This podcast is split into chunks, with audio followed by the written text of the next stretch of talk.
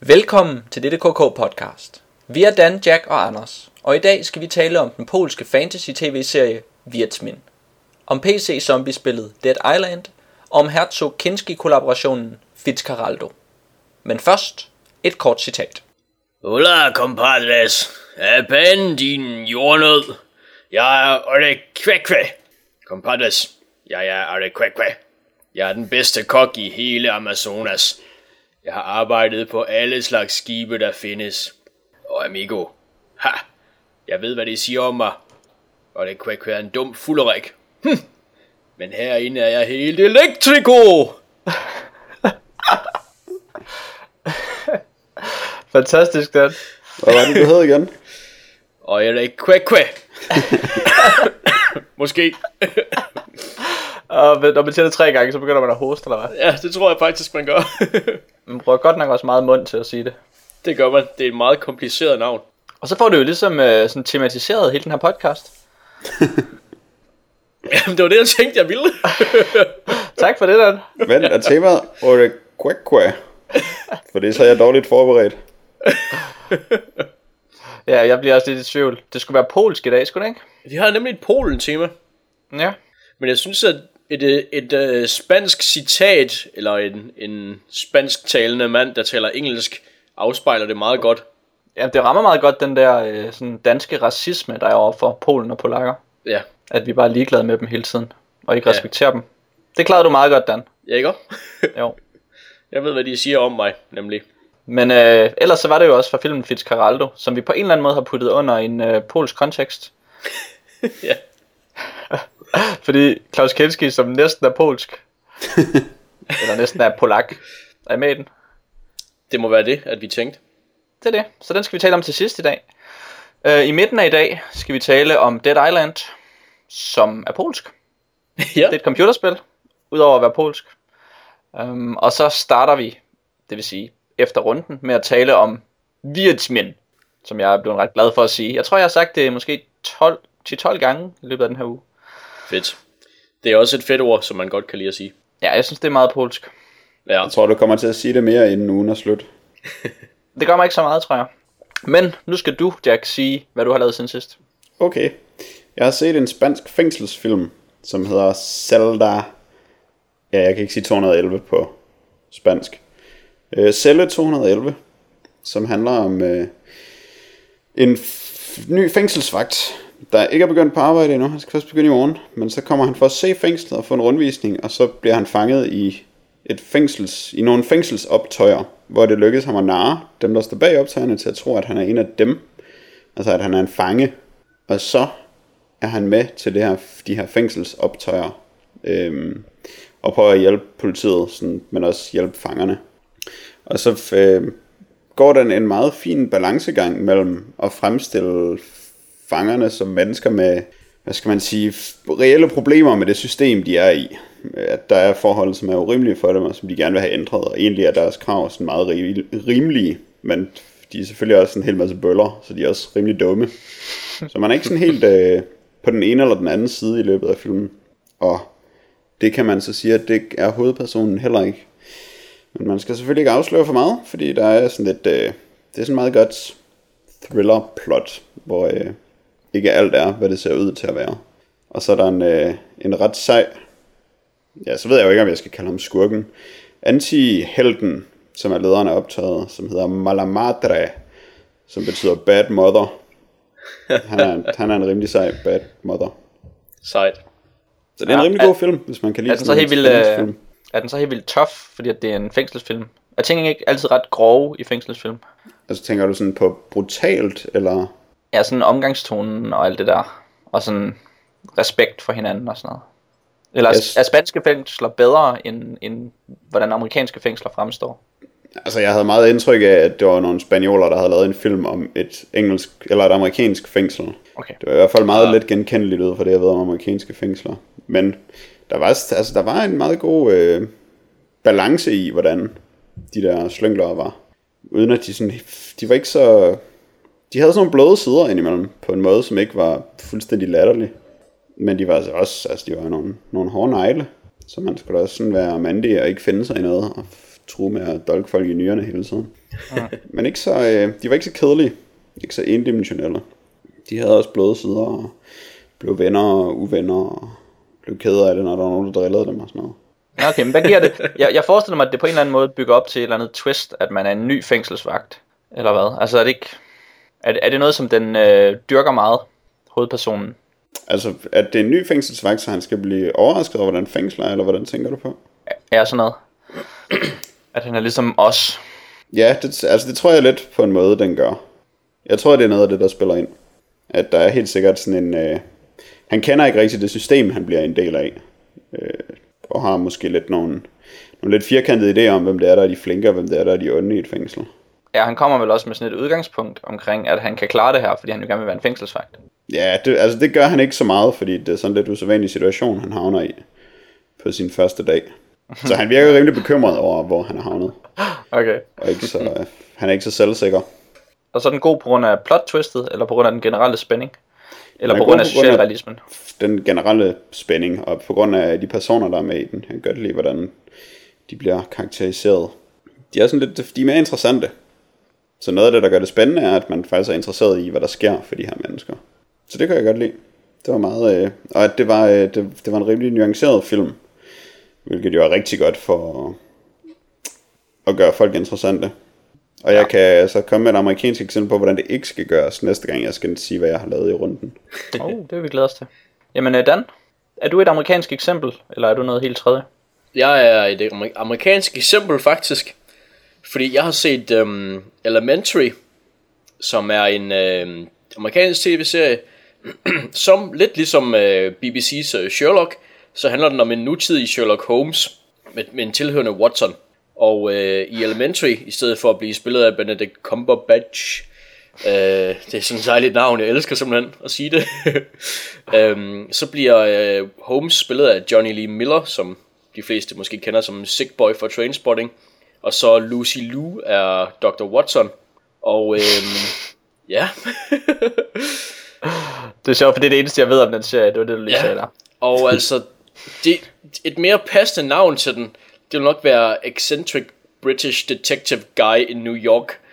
Fordi, ja, altså det er virkelig, det er virkelig de bredeste strokes af, hvad Holmes er, at den ligesom tager fat i. Og altså, jeg, jeg, jeg elsker virkelig Johnny Lee Miller. Han er virkelig, ja, han er så dejlig, synes jeg. Men altså, han, han får ikke lov til at gøre særlig meget i den her rolle. Øh, fordi han er bare sådan en, hey, du er genial, og du har ikke nogen sociale evner. Spil på det. Og det gør han så. Øh, og så er Lucy Liu sådan en, altså, så er hun så ligesom, altså Watson, ikke? Ja, nå ja, selvfølgelig. Jamen, det er jo perfekt mening, Dan. Tak for det. Så altså, de bruger, de Fordi bruger Watson der, og Lucy Liu, de virker jo som den samme, ikke? Ja, ikke, det er jo det, altså. Lucy Liu, der er typecastet som sådan en SM dominatrix. Så ved jeg ikke, hvordan hun lige passer ind som en Watson. ja. Nej, men hun er, hun er sådan en sob story, der nu passer sådan nogle uh, recovering drug addicts, som Holmes så er i den her. Men altså, det er ikke, det er ikke så vigtigt. Uh, og de bruger den der Sherlock Holmes mytologi til meget lidt, og, og altså i stedet for at der, han er op imod sådan nogle skurke, der er larger than life, så er det nærmest sådan nogle, der er lesser than life. så, så det virker som lidt spild af hans evner på en eller anden måde, og, og hvad hedder det, regne de her øh, lidt, lidt lunkne mysterier ud. Okay, nå, så han er, men han er en privatdetektiv. Han er en privatdetektiv, der, der ligesom konfererer med øh, New York Homicide-afdelingen. Ah, ligesom øh, den med ham der forfatteren. Castle, er det Ja, lige præcis. Ja. Ja. Castle, ja. Hvor de Måske- også lige skal ja. bruge sådan et halvt afsnit på at sætte op, hvorfor han hele tiden skal arbejde for politiet. Og så bare 10 sæsoner, hvor han arbejder for politiet. ja. ja, så det er, øhm, ja, jeg ved ikke, der er ikke, altså der er ikke, der er ikke så skide meget modgang øh, for ham her, Sherlock Holmes, han kan sådan det hele, og kan lige regne ud, at øh, hendes date, altså Watsons date i går, gik rimelig godt, fordi hun er rimelig glad i dag og sådan noget. Og så, øh, ej, det gik ikke så godt, og oh, det gik ret godt, og så, okay, godt. Så det hele er godt nok, altså. det er virkelig en lunken serie. Ja, okay. Og hans deduktionskraft er måske ikke så, øh, så overlegen som i den britiske moderne fortolkning, som du Nej, altså det, det er gjort meget mere finurligt og meget mere fedt i den, i den britiske øh, Sherlock-serie. og her er det sådan, nogle gange så er der nogle, nogle fede nok ting, og andre gange så er det, jeg ved ikke, så, så virker det bare sådan lidt, lidt, altså, lidt dumt.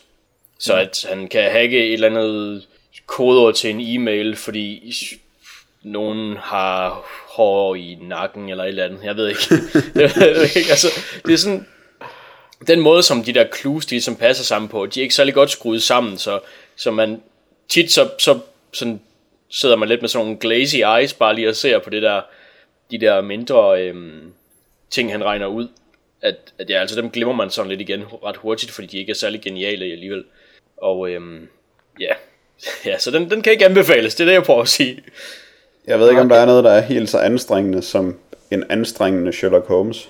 Ja. Simpelthen så irriterende, når forfattere de sådan virkelig kæmper for at skrive et eller andet, som skal være deducerbart. Og så bliver det bare til, at man kan gætte en e-mail, fordi nogen har hår i nakken. Ja. ja, ja.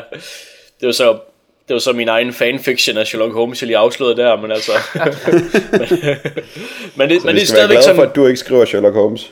Ja, det er det. Men det er stadigvæk lidt at gribe efter nogle halmstrå øh, i, øh, i Elementary-serien der, det synes jeg. Så de, altså, er det- så de benytter vel nærmest ikke, eller Sherlock Holmes, til noget positivt. Altså kunne de lige så godt have gjort det uden Sherlock Holmes? Ja, det synes jeg. Altså, det, det kan kunne lige så godt have bare have været, en, som sagt, ikke altså en ekscentrisk britisk sådan detektiv, der bor i New York. Okay, så det er vigtigt, at han er en crazy britte. Øh, ja, altså sådan, altså, det, det interessante ved ham, kan man sige, det er, at han er sådan en ekscentrisk fyr, der, der fiser rundt, og så, ha, altså, så er han jo britte, hvilket jo for amerikanere går ud fra stadigvæk er sådan helt eksotisk. Mm. Øh, og så har han så en, en down-to-earth medhjælper i Watson, Joan Watson. Very øh, clever. Ja, ja, Det lyder som et super spændende twist på historien om Sherlock Holmes. ja. Og det, Apropos det der med, at amerikanere altid er fascineret over britter, så hørte jeg en, uh, jeg hører indimellem en, en podcast, der hedder GameSpot, som, nej, Hotspot, som GameSpot laver, en uh, computerspils hjemmeside. Og så har de nogle gange sådan en britisk vært inde, eller mm. med journalist, eller hvad vi skal kalde ham, journalist, rapporter, anmelder, øhm, som er med til at lave podcasten. Og hver gang han er med og begynder at sige noget på britisk, så bliver de alle sammen sådan helt betuttet over, at han siger noget på britisk. Selvom at de arbejder med ham. Så, så er de bare sådan helt, det lyder så sjovt, når du siger det der, i stedet for lidt efter, hvad han siger. virkelig. Ja. Det er virkelig vildt. Ja, så jeg tror helt sikkert, at, at det kan fange rigtig mange amerikanere, at der er en britte et sted. Altså, Ja. det tror jeg, de er vilde med. Det er en god historie i sig selv. Ja, Det behøver man ikke mere. ja det er det. Hvad laver den skøre fyr i New York? Det er jo helt forkert. Nå, jeg har ikke uh, lavet vildt meget siden sidst, men uh, jeg har set uh, en podcast, eller et radioprogram, der hedder Carsten Jensen i krig, som er fire ret lange uh, radioepisoder, hvor han i to timer interviewer folk i hver episode. Og så uh, handler det om sådan krigen i Afghanistan.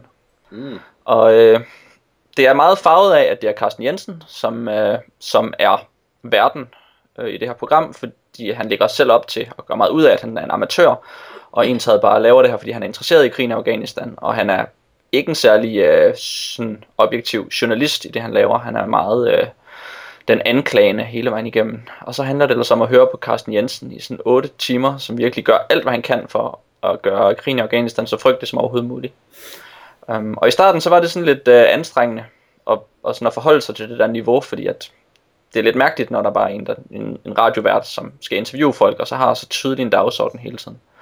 Men efter man sådan har brugt 3-4 timer på det, så får man lidt et filter, og så vender man sig lidt til det, og så har man det som om, at man kan se sandheden i det, der egentlig foregår, og sådan nogle ting, og prøver at, øh, at navigere i al den her, den her kæmpe lange anklage, som det hele faktisk bliver. Fordi han næsten kun har en masse medløbere med, eller rygklapper, eller folk, som er enige i hans synspunkter. Og så har han måske to i løbet af de der 8 timer, hvor der er cirka en hver kvarter, eller en hver 20 minutter, en ny gæst. Der har han så to, som, som han ikke er enig med, og som han sådan angriber lidt. Måske tre. Så det lyder som rimelig mange timer at sidde og høre på sådan en øh, anklagende fyr der. Ja, altså det er jo interessant, fordi Carsten Jensen er meget skarp og intelligent, mm. og, og sådan, han er ikke særlig god til at lave radio, men, øh, men, men han er alligevel, øh, det er alligevel spændende at, at sådan se hans take på ting. Og så, øh, og så hører man jo en masse omkring krigen i Afghanistan på en ny måde, end Ja. hvordan man normalt ville høre det, fordi en af de store anklager er, at det ikke er dækket særlig interessant af pressen, og at det er sådan nogle lidt dårlige, kedelige og måske også usande historier, som er i aviserne omkring det. Så man kan ikke rigtig bruge det til så meget, det som man kan læse eller høre om krigen i Afghanistan i dagligdagspressen. Og så brokker han så over det. Så ja, Ja, det, altså det lyder, jeg synes det lyder sådan set interessant nok, men, men det lyder det der med, at der er det der filter, man ligesom skal opbygge, og det var 3 eller 4 timer før det sker.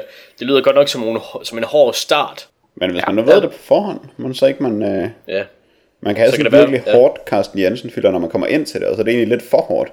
Og så skal man i stedet bare sådan bløde lidt op.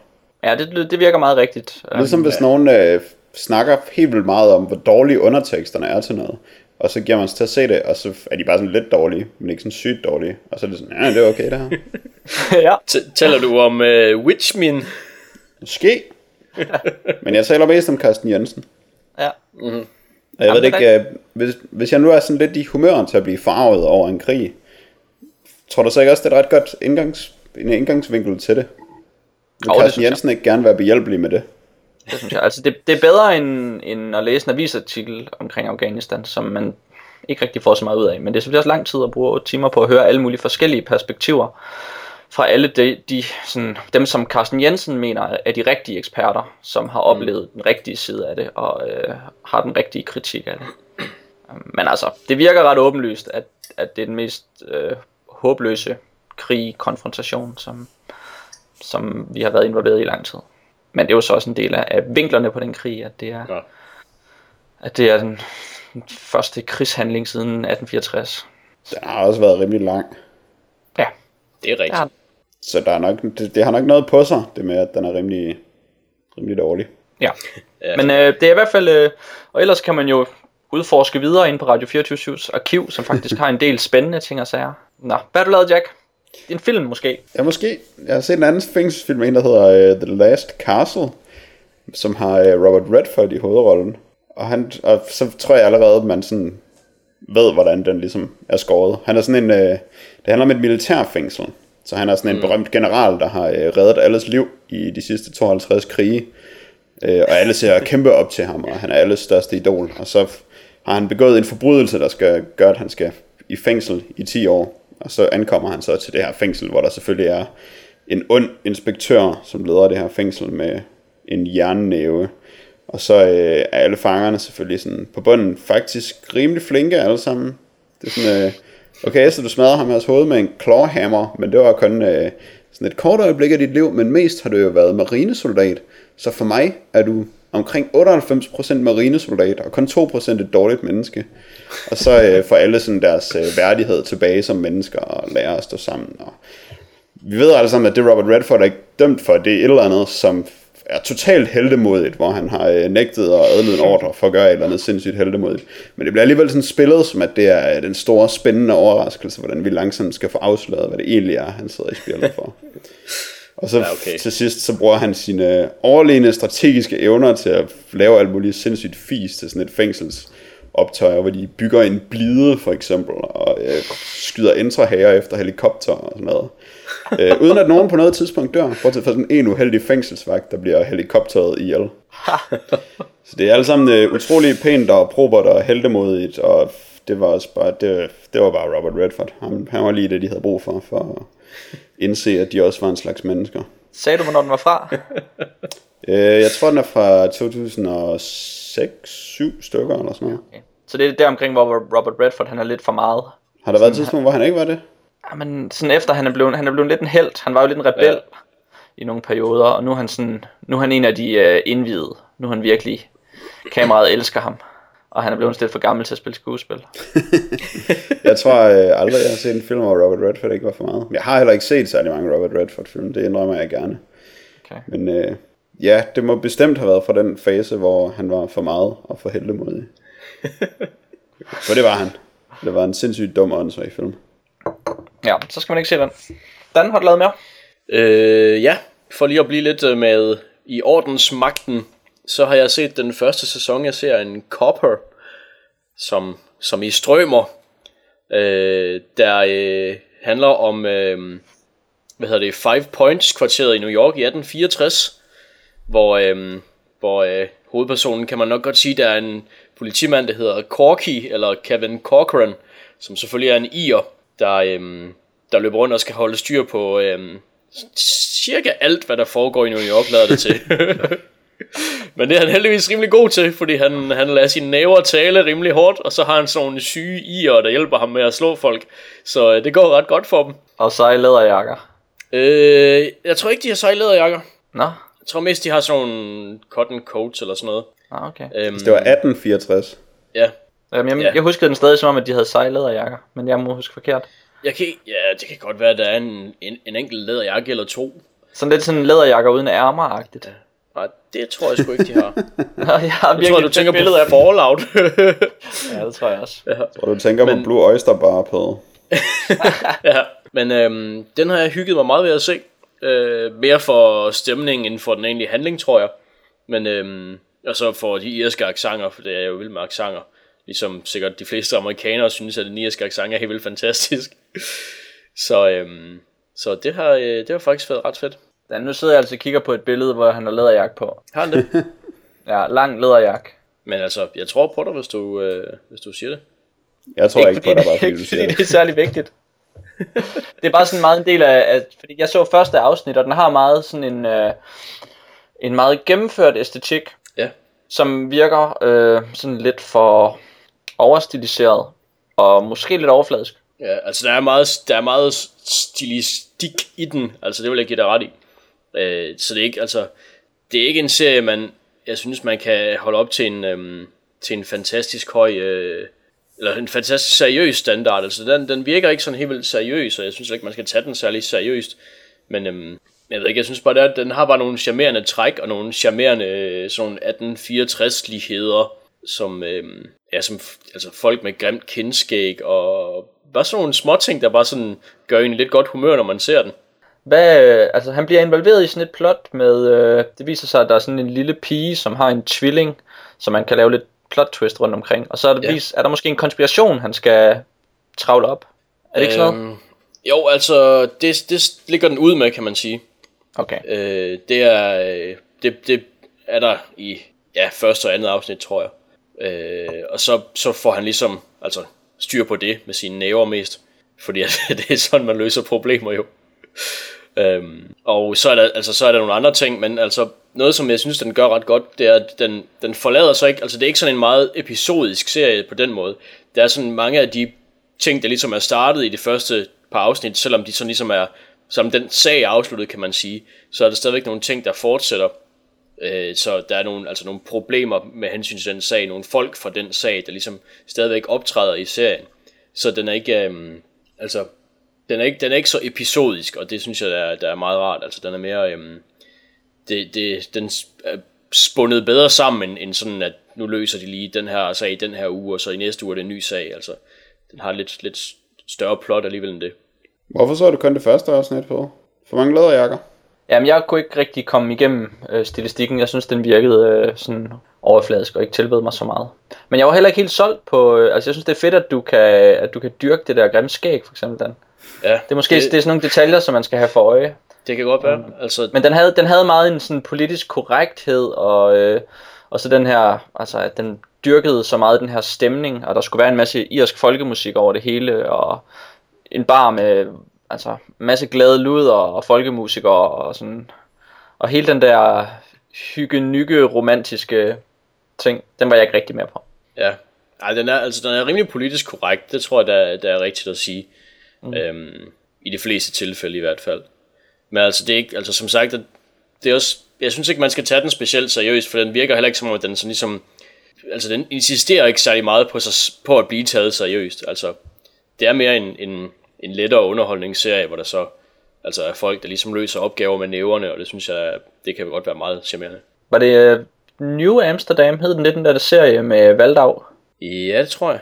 Så du nogensinde det? Jeg tror, jeg så første afsnit. Fordi jeg forestiller mig, at det er lidt det samme, uden at have set den. Øh, nej, det han er, jo sådan en, han er sådan en udødelig fyr eller sådan noget. Nå, så foregår den i nutiden. Ja, Og så har han en fortid, som... ja så hedder han, så hedder han whatever Børge Amsterdam eller sådan noget. Okay, nå. ja, så det, det er meget noget andet. For det virker lidt som, at den har... Eller jeg tænkte, at det måske havde udskiftet den, for at have noget af det der Streets Ja, of Gangs of ja. New York-agtige indhold, som de godt kan lide. Ja, men øh, ej, den har ikke, den, man kan ikke, jeg synes ikke, at New Amsterdam har noget at gøre med den, men altså, den har da nogle gange nogle Gangs of New York, øh, ja, en lille smule har den, fordi så meget bandekriminalitet berører den faktisk heller ikke. Nej, det er mere den der med at altså forestille dig sådan en helt snusket gade, hvor alt er gråt og brunt, og så en masse folk, der går rundt i kun gråt og brunt, og så kommer der en eller anden dame gående i knaldrødt eller knaldgrønt. Og på den her måde, hvor at, at der er nogle ting, der skal poppe helt vildt meget ud, og alt andet skal være snasket. Sådan en meget øh, designet. Ja, men altså, de har en del snask, men de har også en, altså, de har også nogle, nogle high society steder, som de så mixer det sammen med. Så, altså, det er ikke, det er ikke fordi, at alt, synes jeg, er brunt og snasket i den. Men det, okay. me- det meste er selvfølgelig. Ja, sådan koverfarvet. Ja, Det er sjovt, jeg ved, hvor mange øh, flere af sådan nogle projekter, der skal til, før jeg opgiver håbet om, at Tom Fontana, han er sådan ubetinget sej. Fordi det var ham, der har lavet os, som har lavet det. Så derfor så ser jeg sådan alle hans, alt, hvad han laver. Og det er bare sjældent særlig godt, desværre. Altså det er ikke, ja. Jeg tror ikke, jeg tror ikke at man skal at man skal sammenligne dem med os, eller forvente den kvalitet, der er i os i hvert fald, så tror jeg måske, man bliver lidt... Øhm, Ja, det her det er lidt mere sådan tv-agtige. Ja. En masse tv-tropper ud over det hele. Det er det, han laver generelt, synes jeg. Ja. Jeg forstår ikke, hvor os kommer fra. Jamen, så, det, så må du se nogle flere fængselsfilm, Jack. Ja, det skal jeg da straks gøre. Har du det? For jeg har ikke flere Øh, ting. Ja, det har jeg da. Jeg kan da godt nævne nogle flere. Du kan lige lufte en Ja. for os. Øhm, jeg har set en, der hedder Fallon, for eksempel. Som er en rimelig ny film.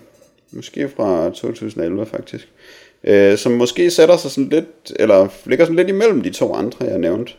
Øhm, fordi den starter med sådan en rimelig fed, øh, hvad skal man sige, det derut, hvor der er sådan en lykkelig familiefar, der tilfældigvis ved et uheld kommer til at slå en øh, indbrudstyv ihjel. Eller ved et uheld. Han, kommer, han slår ham i hovedet med et baseballbat, og så dør han. Og uheldet er så selvfølgelig, at han dør. Øh, og så skal han pludselig i spjældet.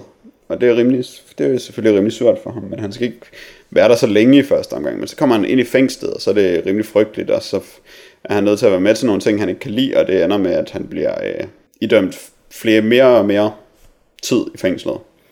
Og det er rimelig synd for ham. Især fordi der er sådan en øh, sadistisk... Han er så ikke inspektør, han er chef for vagterne, eller hvad man nu kan være. Som er spillet af Chris Rock, som øh, slet ikke prøver på at være sjov, hvilket er skørt wow. Som blev sådan nogle øh, illegale hanekampe mellem fangerne og vedder penge på dem og sådan noget. Sådan nogle øh, ting. Men så, øh, og det er rimelig godt, hvordan det sådan går ned ad bakke for ham. Det kan jeg godt lide langt hen ad vejen. Men så til sidst, så bliver alt sådan helt vildt heldemodigt, og så laver han sådan en plan for at afsløre al korruptionen, og så bliver alle, alle de andre fanger, som har været hans, både hans venner og hans fjender, de bliver, bliver sådan rørt af hans smukke eksempel, og så genfinder de deres menneskelige værdighed, og så hjælper de med at redde ham fra at blive skudt, og alt sådan noget øh, pjat, som var lidt svært at købe. Jeg har, jeg har set den for der tilbage i 2008 eller sådan noget, tror jeg. Og jeg husker godt de der slåskampe ude i gårdene, som værende sådan ret fede. Ja, de er, Er de stadig fede? Eller husker jeg helt forkert? nej, jeg synes, altså, de er okay. De er sådan rimelig almindelige fængselsslåskampe, synes jeg. Men jeg synes, det var lidt irriterende, at han bare var sådan en eller anden øh, byggemand, og så var han bare mega god til at slås, så snart han kom ind i fængslet. Ja. Så kunne han bare tæske folk uden videre. Og så blev han bare bedre og bedre til at tæske folk. Det var sådan lidt. Det var en kamel at sluge. Men altså jo, de er sådan meget øh, hurtige og slåskampsagtige. Men ikke vildt fede. Jeg var ikke så imponeret. De passede fint til resten af det, som er sådan en, en rimelig solid film. Med nogle ret gode skuespillere. Josh Brolin var, øh, er sådan sej, fordi det er han bare. Og så var det rimelig seriøst, indtil det blev helt plat. Og jeg tror, det er lidt... Øh, det er måske det, der er problemet med fængselsfilm, det er, at de er nødt til at blive plattet til sidst, fordi de skal slutte. Så det kan ikke bare blive ved med at være dårligt hele tiden. Det Og træls. apropos det, Skal vi tale om øh, det første emne, den? Det første polske indspark. det, det synes jeg da nemlig, vi skal. TV-serien Witchmin, øhm, som er måske bedre kendt, eller den engelske titel er officielt uh, The Hexer, men øh, man kender måske bedre oversættelsen The Witcher, som øh, der er to computerspil, der også hedder. Og serien er oprindeligt baseret på forfatteren Andrzej Sapkowskis noveller om den her Witcher, som er en, en, en beskæftigelse, måske man kan have. Øh, et værv, man kan have en art, øh, der hedder Geralt. Og øhm, serien er fra 2002 og er på 13 afsnit i alt. Og øh, vi følger så ham her Geralt fra, øh, fra barns ben af, hvor øh, Witcher-ordenen kommer og snupper ham øh, fra hans forældre, fordi at øh, engang er, øh, er faren blevet reddet af en Witcher, af, da et eller andet monster kommer og angreb ham, og så var der sådan en Witcher, der reddede ham, fordi det er deres værv at slå monster ihjel. Og så sagde han, at øh, altså lovede, det er lidt uklart, fordi underteksterne er utrolig dårlige. Men i hvert fald, i hvert fald lovede han, at, at et eller andet skulle blive Witchernes. Og det var så åbenbart, ja, det var så åbenbart hans søn. og han bliver så, øh, sønnen bliver så snuppet op af de her Witchers, og så ser man øh, hans Witcher-træning, som, som så øh, gør, at han, altså han ligesom øh, holder op med at være specielt meget menneskelig, fordi at han vil ikke føle kærlighed og følelser længere og sådan nogle ting, og han, han muterer en lille smule og lærer at slås og lærer at bruge lidt magi og sådan nogle ting. Men så er der også et eller andet med, det er så heller ikke helt klart, at hans mor måske vist nok var en heks eller sådan noget, som kunne have kastet en forbandelse eller et eller andet fortryllelse. Ja, hans så- mor er en, Ja. øh, er en øh, sorceress. Ja, der så gør, at han ikke, øh, at han så ikke bliver en Witcher. Så er han er, ikke sådan, han er ikke sådan en ægte Witcher, men han er også sådan en, han er også lidt den bedste af dem. Jamen, de lukker jo op for, at der er sådan, man kan være Witcher, sådan mere eller mindre Witcher-agtig. Ja, Afhængig af, hvor meget man er muteret. ja, Så hvis man kun er muteret lidt, så får man måske bare sølvhår og kan lave noget, sådan noget, noget fedt ild og, ja. og få slangeøjne. Ja, så det er det. Så han er sådan en, han er sådan en Witcher, men altså, der, er- der er ikke særlig mange af de andre Witchers, der kan lide ham, fordi han er sådan lidt, han er sådan lidt for rebelsk eller sådan noget. Ja, man kan jo godt lave sådan en pendant til, at han bliver sådan en daywalker-agtig ting. Ja. Sådan, uh, Ja, hvad hedder den der film, som jeg lige citerede? Blade? Blade, ja. Ja, Hvis Ja. man er i tvivl om, hvad Blade hedder, skal man bare spørge den. ja, så siger jeg det. Hvor at, Blade. at, at uh, ja, tak. Hvor at Blade jo sådan bliver ekstra sej af både at være vampyr og menneske. Ja, det er det. Så er det som, han faktisk får en edge af det. Ja, og det kan man måske godt sige, det er rigtigt, at, at Geralt han også altså får de bedste Witcher-ting, og stadigvæk for, forbinder sig til, eller bibeholder det meste, meste af sin, sin menneskelighed. Og, øhm, og øh, så, ser man, så følger man så ligesom hans øhm, eventyr i løbet af de her øh, 13 afsnit, som det er blevet til. Og øh, ja, som, som jeg allerede har været inde på, de her øh, undertekster, det er jo sådan nogle fan-undertekster. Så de er jo, altså, de er jo rigtig dårlige. Ja, og nu synes jeg også, at du er lidt ond ved fanundertekster. Ja, det er Fordi rigtigt. de fleste fanundertekster er, er fine. Ja, men de her, altså de her er dårlige. Ja. øhm, og altså, men altså det er ikke, altså det er, ikke- det er ikke kun derfor, at serien er dårlig, kan man sige. Ej, det synes jeg også. Jeg synes, øh, den del, den kan vi jo ikke gøre så meget ved. Nej, Og så vi må forestille os, hvor godt det ville være, hvis de var perfekte. Og så Ja. må vi tage det udgangspunkt. ja. Hvor godt er det så, Jack? Jeg, jeg, øhm, altså det ser jo sådan rimelig dårligt ud, men jeg tænkte, at hvis jeg havde set det, da jeg var yngre, måske 12 år gammel, så ville jeg have syntes, det var mega sejt. Så jeg tror, det er lidt, det var de briller, jeg tog på til at se det med, fordi det virkede mere som en ungdomsserie, mm. end som noget voksne mennesker skulle tage alvorligt. Hvad, hvad var det så, som du ville dyrke helt vildt ved The Witcher-serien som 12-årig? Jamen altså, for det første er det jo sejt, at han får sådan noget hemmelig ninja-træning. Det er jo klart. Og så Ja. får han sådan et sejt svær, og så skal han have sådan noget gift, som gør helt vildt nas, og så bliver han sej af det. Det er rigtigt. Og så så- er han sådan øh, en held. Så bliver han en badass monster jæger. What's not to like? Det er rimelig sejt. Det andet er jo- afsnit kaster måske sådan lidt øh, tvivl over, hvor badass han egentlig er. Men vi skal i hvert fald forstå, at han er badass på en eller anden måde. Som, mm. Da vi ser ham øh, hugge den der vandslange over i starten af første afsnit. det fortæller os, at han er badass. Ja, Der har han også Ja. fået et lokumsbræt, har han ikke? Så det Jo, var han det på et eller andet ja. tidspunkt få i løbet af serien. Ja. Så vidt over lokumsbræt, så kan man da næsten ikke altså blive så mere er man jo, så er man jo tydeligvis badass. Jamen, han ser også sej ud, jo. Og Ja. han er en smuk mand. Han er en smuk mand. Det må man give ham. Michael Brekowski, eller hvad han nu hedder. Men altså, jeg synes, at, jeg synes også, der var noget, der tiltalte den 12-årige i mig. I serien. Fordi han, kan, han har så mange badass ting, han kan og gør. Øhm, men der var også bare nogle ting, som jeg tror, at den 12-årige i mig ville blive sur over. Som for eksempel, at i episode 2, hvor han skal op på sådan et bjerg og have en eller anden test, og så, er der, så har han så bind for øjnene, og så er der sådan en eller anden gut, der prøver at skubbe ham ud over bjerget, fordi at det har han øh, fået besked på. Og selvfølgelig så er det ham selv, der er ved at falde ned, og så Geralt redder ham op, og så angriber han ham igen. Og så er det bare det mest, den, det, var så, det ser så ringe ud, den måde han sådan ligesom øh, angriber, og sådan falder lidt fremover, og så, så, og så falder han så ud over og dør og sådan noget. Det, det er virkelig, det bare så halvhjertet, den måde han gør det på, at det tror jeg selv den 12-årige mig ville sige, at nej, det, altså ham der, han, han spillede altså dårligt skuespil. Men hvad der der ikke er halvhjertet er, hvor meget Geralt han emoter efter, at han er faldet ud over kanten der. Ja, ja, Det tager virkelig hårdt på ham. ja. Mm. Men det, altså, han er sej, altså, det, det, det synes jeg faktisk, han er. Øhm, det er bare, der er bare sådan nogle, sådan nogle ting, der, ja, der bare sådan slår ned på, øhm, slår ned i, jeg ved ikke, kvaliteten eller sådan noget. Altså jeg, jeg, i mit stille sind, så døbte jeg det der Witcher-råd, det døbte jeg monobryn, kartoffeltud og fehår, fordi de ser bare så mega ringe ud.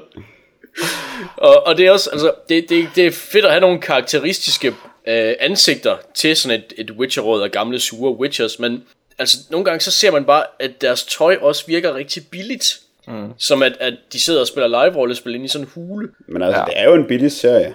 Ja, Så bliver man ikke nødt til at øh, acceptere det. Altså, det kan irritere en, eller det kan da være. Øh, men altså, jeg synes, øh, altså det vil så også sige, at det synes jeg, der var irriterende i første og andet afsnit. Men nu er jeg så i gang med, eller nu, nu er jeg så til fjerde afsnit, og det, så nu irriterer det mig ikke rigtig længere, fordi nu, nu har jeg bare sådan købt, købt den, altså. Jeg bliver lidt træt af at se på den der grusgrav, der skal være deres fede uh, Witcher-ball. Som de bruger virkelig meget tid på at trampe rundt i. Og, Den er, ja, den er ikke så flot igen. Ej, det, det, er alt, altså, det foregår meget uden for det hele, fordi det er jo det letteste og bedste sted, ja. og nemmeste sted at optage, så længe at, at solen skinner. Så skal man ikke engang sætte lamper op eller noget som helst. Um, og så indimellem, så klipper de så til et eller andet, de har indenfor. Man ser aldrig nogensinde en indgang, eller får det bundet sammen. Så det er bare et eller andet studiesæt med sådan nogle øh, grimme papmaché-vægge.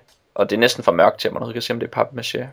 Um, og det, det, altså det virker rigtig, rigtig billigt. Så har de sådan lidt by, og øh, sådan nogle bygninger, gamle bygninger, som er fine. Altså i afsnit 1, så ser man jo hans families gård, øhm, vores hovedpersons families gård, som jo er flot og stemningsfyldt, mm. og altså passer til formålet. Og i afsnit, er det i afsnit 2 eller 3, hvor de kommer hen til en by, det er afsnit 3, der, øh, der ser man jo en hel by, hvor at han render rundt og er totalt overrasket. Og så, så det, det er fedt at se, når de skal lave grimasser. Fordi deres grimasser er så teatralske og så åndssvage. Um, så de går rundt med sådan nogle kæmpe store øjne, når de er interesserede. Og hvis de er utilfredse, så står de sådan og åh, åh, i baggrunden. Og det, er virkelig, uh, det er virkelig fedt at se. Ikke fedt. Det er sjovt at se. Det er også fedt, hvordan i det første afsnit, da man skal lære de der forskellige Witcher at kende, så kan man kende det på, at de alle sammen har forskellige ar i ansigtet. Ja, Men hele uh, Witcher, jeg ved ikke, skal vi kalde det mytologien, er jo ret sej. Som Ja. man jo også synes, da man spillede computerspil. Altså, det er en ret interessant fantasy setting, som mm. ikke virker særlig bekendt, men som virker, Ja. det ved jeg ikke, måske meget østeuropæisk. Meget uh, tung, mørk og målprøvet. ja den har sådan et eget, den har sådan et, et specielt uh, twist på en eller anden måde. Det er ikke nogen særlig farverige helte, de der Witchers. De er sådan meget... Jamen det er jo det, de, de er jo på en eller anden måde blevet gjort kønsløse, ikke? Og det der med, mm. at, at Witcheren mister øh, sexdrevet, for eksempel. Ja, som de gør en, et, et, et, et stort nummer af i afsnit 2, og hvor man på en eller anden måde skal forstå, at han stadig har et, måske. ja, Um, det, er helt, det er ikke helt sikkert, hvad der sker. Han bliver udsat for en del sexikane af en kvindelig Witcher, um, som, som han håndterer sådan rimelig forvirret, og der er nogle shots, som om, at jeg er ikke helt sikker på, om de prøver at insinuere, at, at han har en erektion, som hun kan se. det tror jeg, et de gør. Ja, Ja, det det, det, der det er sker. mit indtryk, ja. Jeg var ikke helt sikker på, hvad der foregik. Også fordi hans, hans skuespil er så over the top hele tiden. Altså han er så emotionel. Ja. Og så Han ser hele forvirret. tiden ud, som om han har en reaktion. Stakkels Witcher. Øhm, altså der, så der synes jeg ikke helt, de, øh, de, de var ikke helt, ja, de forklarede ikke helt, hvad der foregik. Men der er sådan nogle seksuelle undertoner i, i meget mm. af det. I hvert fald det, at han redder kvinder hele tiden. Ja, det gør han en del i. Ja. Men øh, ja, mytologien. Øh, synes du også, den er fed? Den? Ja, altså, det, jeg, jeg er lidt draget af den på en eller anden måde. Det synes jeg faktisk er. Altså, nu har jeg også kendt den en lille smule gennem computerspillene. Og øhm, så, så, er det bare sådan lidt, så er det bare sådan lidt hyggeligt måske at se, øh, hvordan de øh, takler den på tv.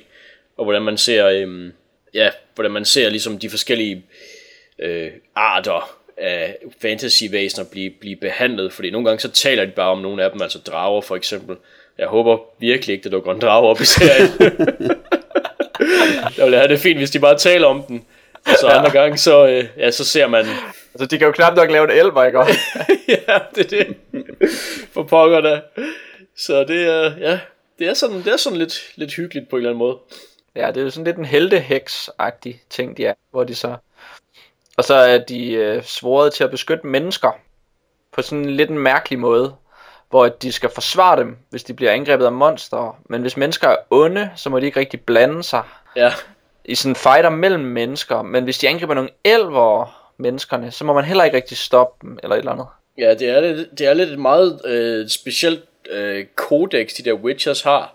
Øh, eller i hvert fald har haft. Som det ser ud som om, at den der Witcher-orden, den er sådan lidt ved at smuldre, da han, da han kommer ind i den Geralt.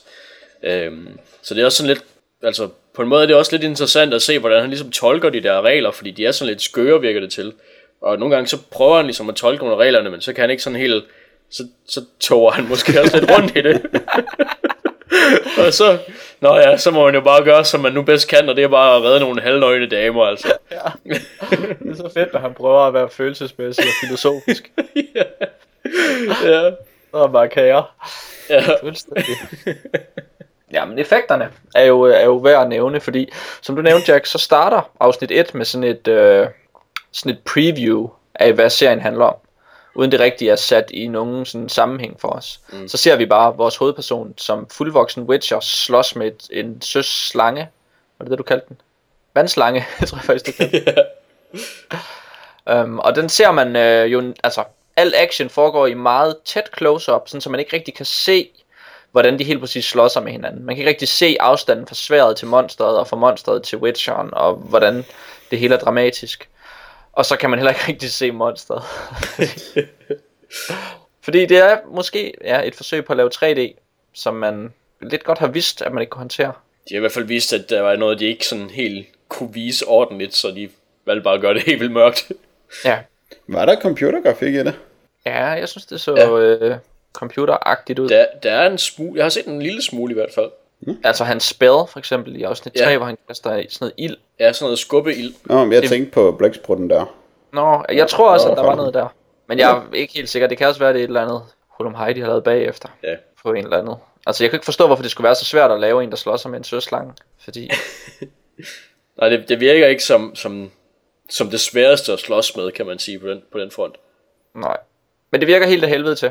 Um, og så ved man ligesom, at okay, Ja, altså det er det, de prøver at sælge serien på fra starten af. Så det skulle have været den gode slåskamp. Og den var lort. ja. Og så, ja, så glæder man sig ikke rigtigt til, at han skal slås med monster fremover. Nej, Nej, men venter man er 12 år gammel. ja. Så tror jeg Måske måske, det stadig, man glæder godt. sig. Um, noget, jeg, noget der, der, der faldt mig lidt øh, i, i ørerne, havde jeg sagt, det var musikken. Jeg ved ikke, om, hvad, om I har gjort jer nogle tanker om musikken. Og det har jeg. Altså, den har jo det der uh, simmer, som godt kan lide, um, som kommer ret tit. Uh, så har den et falkeskrig. Jeg ved ikke, hvor tit I lagde mærke Ja. til falkeskriget i baggrunden. Jo, det hørte jeg også. Der var der rigtig, rigtig meget. Uh, og så den her arie, som kører. Og så er der på en eller anden måde en sammenbygning mellem det simmerske og så over i den her arie, som, som bliver sunget med noget harpe bagved. Ja. Det, det er en nummer, som, eller det, virker, det virker som det er to eller tre numre, der er smasket sammen til et nummer, og det bruger de så Ja. Jeg tænkte, jeg tænkte, øhm, jeg tænkte på, hvor, hvor malplaceret det nogle gange var. For eksempel, hvor øh, de der tre Witchers in Training, de sådan står i, øhm, det må være afsnit 2, hvor de sådan står i regnen på de der pæle som sådan en straf. Så er der det der harpespil og sådan en sådan kvinde aria, der er sådan lidt behagelig og sådan noget. Og det var meningen, det skal være sådan en sygt hård straf, hvor de bare bliver sådan straffet helt vildt og ikke kan gå bagefter og sådan noget. Så sidder man så lidt og, mm, og rocker lidt med og sådan noget til det der musik. Så det synes jeg, der var, øhm, ja, det synes jeg, det var helt mærkeligt at placere i den scene. Det var virkelig dårligt. Men åbenbart virkede scenen ikke øh, uden musik. Og det var det eneste nummer, de havde. så hvad, hvad, hvad gør man så? Altså, Og de kunne ikke bare fylde med falkeskrig. nej. Ja, selvom de sikkert prøvede først. Ja. Et langt falkeskrig. Forestiller mig sådan en executive producer, der siger, "Jamen, hvordan lyder det, hvis der kun er falkeskrig i den her scene? Hvad hvis de alle sammen bare taler i falkeskrig? ja. Nu, nu siger du, de skal tale, men, hvad- men hvad med falkeskrig?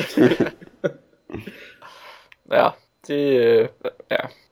Og det er jo en scene, som er faktisk er, er ret sjov, den der øh, trial scene. Mm-hmm. Fordi han er, jo, øh, han er jo på prøvelse sammen med to andre sådan, øh, aspirerende Witchers.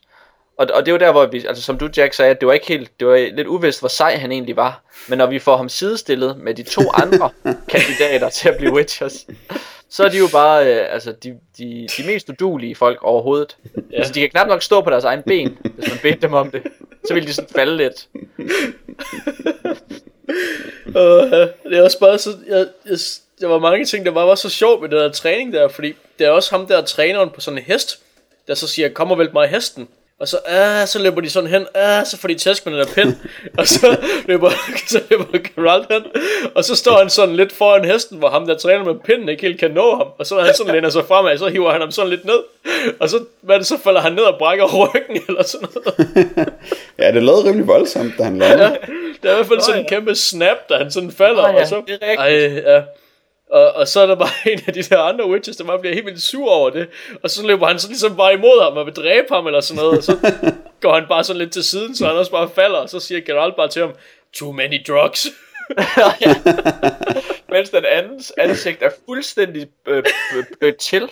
ja, ja, Så sidder han og fyldt med blod, og så kommer der sådan nogle damer. ja. Ej, ja. Jamen, det er virkelig, det er, altså nogle gange så er det bare ikke til at følge helt, hvad der sker, men, men det er egentlig fedt nok. ja, det er faktisk meget godt.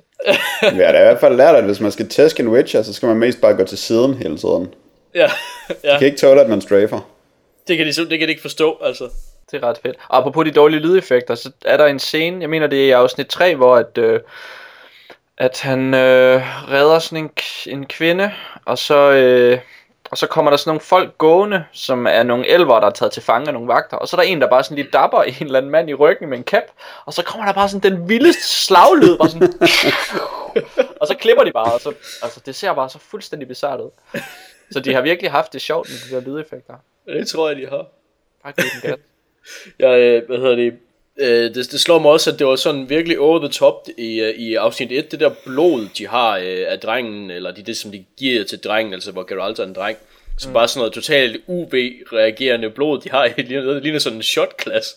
Ja.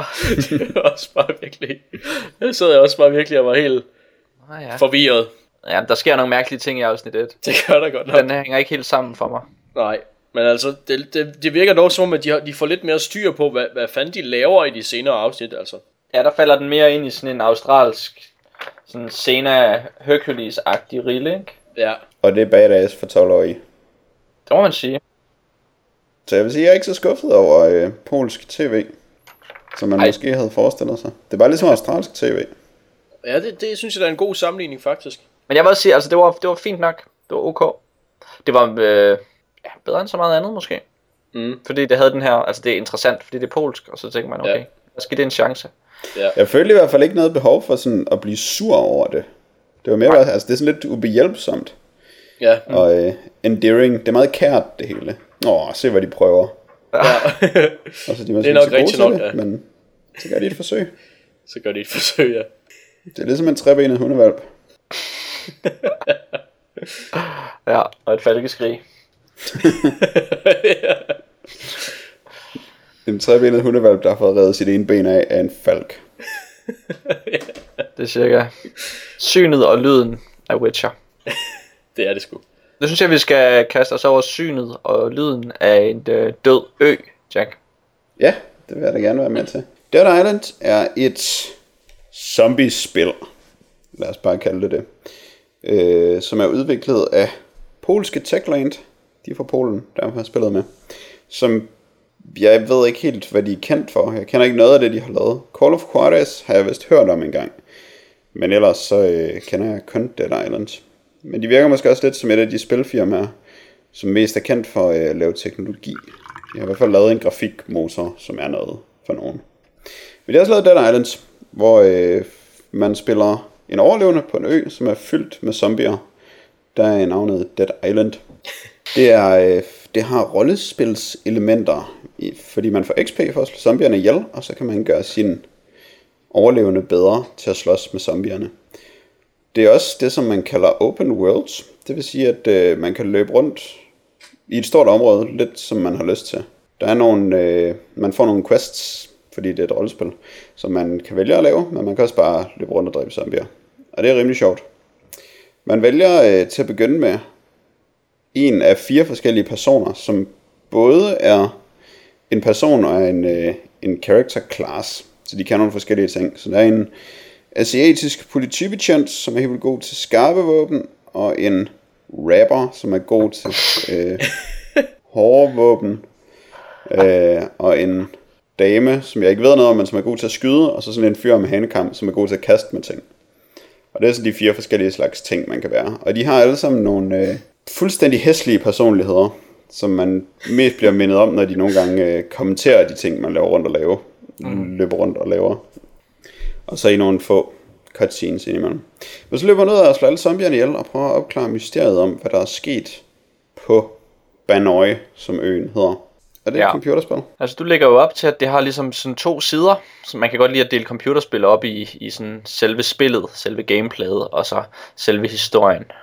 Ja. Um, og for mig at se, så synes jeg virkelig også, at det bliver delt op, når jeg spiller det her spil. um, nu havde vi jo øh, glæden af at spille det sammen, som en multiplayer co-op oplevelse. Og det gjorde jo, at jeg, øh, at jeg næsten kunne udlade historien helt, og så bare øh, sådan lade rundt med jer på Dead Island og dræbe zombier. Og det var rimelig hyggeligt, vil jeg sige. Ja, det var det. Og øh, det lyder som om, du ikke er så glad for historien på det måske. Altså, man kan sige, det mest mindeværdige, det var, at vi lige pludselig øh, spontant improviserer, at vi skal ud og lede efter brunch. Inde i spillet, fordi det virker som et lige så godt plot, som det der, de egentlig prøver på at foreslå, der sker. Fordi man skal rende rundt og hente juice til en eller anden leder hele tiden. og sådan nogle ting. Um, så, så der synes jeg, at vi, øh, vi ligesom tager rollespillet det næste skridt, og så bare, øh, så bare finder på vores egen lille historie, og så, så blev det sket. Ja, jeg er sådan set meget enig. Altså, jeg har, øh, jeg har spillet det i co-op med jer selvfølgelig, og så har jeg spillet en smule øh, på egen hånd. Og jeg, altså, jeg har ikke givet det plot eller den historie, altså to, to sekunders tanke overhovedet, fordi det bare virker så, øhm, altså så fuldstændig ligegyldigt. Hvis man har set to zombiefilm, så ved man sandsynligvis alt, hvad plottet er. Ja, ja. Og så kan, Hvorfor kan man ikke nøjes med en? Men det er fordi, så ser man måske Night of the Living Dead eller sådan noget, og så har man ligesom ikke hele billedet. Nej, okay. Så hvis man både ser den gamle og den nye Dawn, Ja, Så har man så er man ved at være der. så ved man. Men jeg, altså, jeg kan meget godt lide de der quests, at, øh, at det er sådan nogle simple ting, man skal, som at finde mad og vand til de overlevende, og finde en bil, der kan køre dem et sikkert sted hen, og sådan noget. Det virker som nogle meget realistiske prioriteter. Det er selvfølgelig lidt fjollet, når man så, det man skal gøre, er at løbe ud og finde tre dåser med torskeovn, og så løbe tilbage og give en eller anden mand det. 6 liter juice. Det tror jeg ikke kunne gøre det. Der var Nej. mindst øh, 12 i hver kasse, og vi Ja, havde det er fire rigtigt. kasser med. Virkelig ja. meget juice. 100 liter juice. Men det er måske mere, øh, det vil måske være en god ting at finde, Ja. ja. hvis man var i situationen zombie-apokalypsen. Så ville det være godt at finde. Men sådan flavor-wise, der synes jeg, det passede meget godt til, at, at det bliver så øh, øh, frit på en eller anden måde. At man bare er i sådan en verden, hvor der ikke er så meget, man har ikke så meget mål, det man gør andet end at overleve, og så hjælpe nogle andre mennesker med at overleve. Men altså, det er jo også flavor, hvis vi øh, sådan taler om spillets flavor mere end dets historie, øhm, så er det, altså det specielle ved det her spil jo, øh, at det er dag, i hvert fald al den del, jeg har spillet det, og man går rundt på sådan en tropeø, så vi har lidt den der øh, øh, sådan Jurassic Park stemning, som vi talte om i et forrige episode, eller Titanic stemning, eller Westworld stemning, hvor man går i noget, der skulle være et hyggeligt øh, ferieparadis, og så er det pludselig blevet lavet om til et mareridt, og, øh, hvor der er, er sådan, ja, galninger og, og vilde ting over det hele. Øh, men man ser stadig den her, den her kulisse af det, der skulle være et, et hyggeligt ferieparadis. Um, og det, det, det er en setting, som jeg åbenbart kan blive ved med at synes om, fordi det virker også rigtig godt i Dead Island. Men det var, det, øh, efter første akt, der ender man i sådan en øh, karibisk slumby, som føles meget anderledes og meget mere øh, dystert end det hyggelige resort her. Hvilket også er sejt, men det, det, er sådan, det spillet føles meget anderledes flavor-wise, når man kommer derhen. Ja, okay. Er det sådan en uh, improviseret blikby på den der... Altså, øh, nej, ikke helt. Der er, øh, altså, det er bare en by, og så er den sådan crummy på den måde, som fattige karibiske byer er. Det er ikke helt en, øh, en ren shantytown, men det Nej. meste af det er rimelig slidt. Man kan se nogle boligblokke, som jeg ikke tror, man kan løbe hen til. Ja, okay. Jamen, jeg vil nok blive skubbet, hvis jeg kommer dertil. Jeg ved det ikke helt. Jeg synes, det er ret godt, og den virker meget øh, overbevisende, den by, som man løber rundt i. Det er meget bevidst om, at det vil være et øh, frygteligt sted at være, når zombierne kommer. Men så er man jo øh, man er jo rimelig sej til at slås med zombier i det her spil også. Altså fordi, at det er meget nærkamp, det handler om. Man kan godt sådan kaste med ting, og måske åbenbart også skyde med ting, hvis man finder noget, der kan skyde. Det har jeg ikke rigtig prøvet. Men man kan kaste med ting, men så mister man dem jo. Så man vil måske bare hellere beholde dem i sin hånd, og så slå med dem. Og så kommer meget spillet til at foregå i en nærkampssituation, hvor man øh, skal slå og sparke de her zombier. Virkelig. Og man skal Sparke. vist bare sparke. um, og det giver nogle meget gode scener også, når man sådan spiller co-op, og man bare står tre sure mænd og kvinder og sparker helt vildt på alle mulige zombier, der står op og ligger ned. Ja, det er faktisk ret skægt. Ja, måske også lidt plat, Ja. men sjovt. Også det. Altså, det er, det er sådan en, en overdreven vold, der, der på en eller anden måde passer godt til, at man løber rundt og smadrer zombier. Ja, det er meget voldeligt. Man kan hugge alt muligt der zombierne. Det er Ja. sjovt. Men jeg synes også, at det er et, øh, et godt kampsystem. Det har det i hvert fald været al den tid, jeg har spillet det. Hvor øh, zombierne hele tiden har sådan nogle tricks i ærmet, som kommer bag på mig. Så jeg har aldrig helt sådan bare kunne øh, slappe af og tage den på rutinen. Også fordi det kommer lidt... Der er sådan øh, forskel på, hvor hurtigt ens våben er, og hvor langt de rækker. Og det er meget vigtigt, fordi hvis man ikke rammer første gang, når en zombie kommer, så kaster den sig bare sådan ind i en og bider en. Og gør det måske alligevel, hvor den bare dukker sig under ens våben. Og så bider den en. Så jeg synes hele tiden, jeg var nødt til at koncentrere mig meget. Og øh, man er nødt til at sparke til alle de lige, der ligger på, hvor end man løber hen. Fordi måske lever de. Og det ved man ikke, før Ja. man har sparket til dem. Det er rigtigt. Så igen med at sparken. Ja. Det er rimelig godt. Um, altså det her, det skriver sig jo ind i sådan en ret stor øh, liste af zombie-computerspil. Um, hvordan, øh, altså, er det fint at bare blive ved med at lave zombiespil? Det her er jo det eneste af zombiespillene, som... Ej, det er ikke det eneste, som er open worlds. Det kan man måske også lidt kalde Dead Rising. Men jeg mm. synes, det har en meget mere... Øh, altså, man er meget mere fri til bare at være i en verden, som er overfaldet af zombier.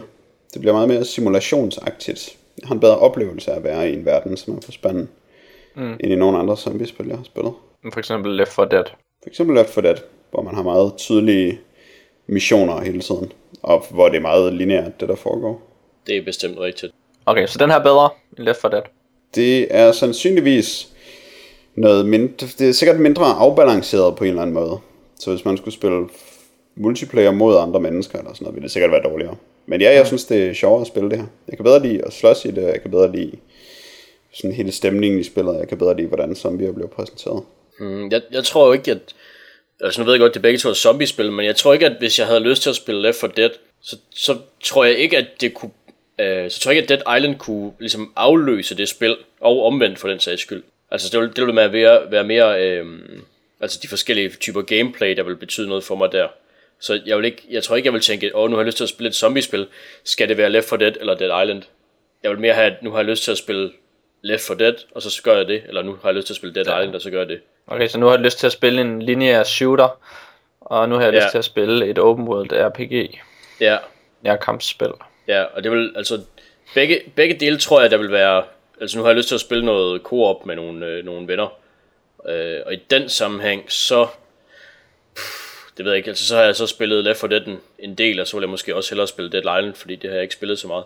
Men en øh, relateret til shooter og co-op og det du sagde med skydevåben, så dukker de først op efter cirka en fjerdedel inde i spillet, så begynder der at komme skydevåben. Og da jeg nåede til det punkt, så tænkte jeg selvfølgelig, ah, skydevåben, det er sådan noget, man kun skal bruge i nødsituationer, fordi det larmer helt vildt, og så kommer der zombier, og det er helt vildt svært at finde ammunition og sådan noget. Øh, og det sådan spillede jeg en ret stor del af spillet, og så var der en dag, hvor jeg spillede, så øh, hver gang man, når man løber rundt, så er jeg et sted i spillet, så holder spillet øje med, om der er andre spillere, der spiller med sig selv og er det samme sted. Og så kan man bare lige trykke på en knap, og så kommer man til at spille co-op med dem.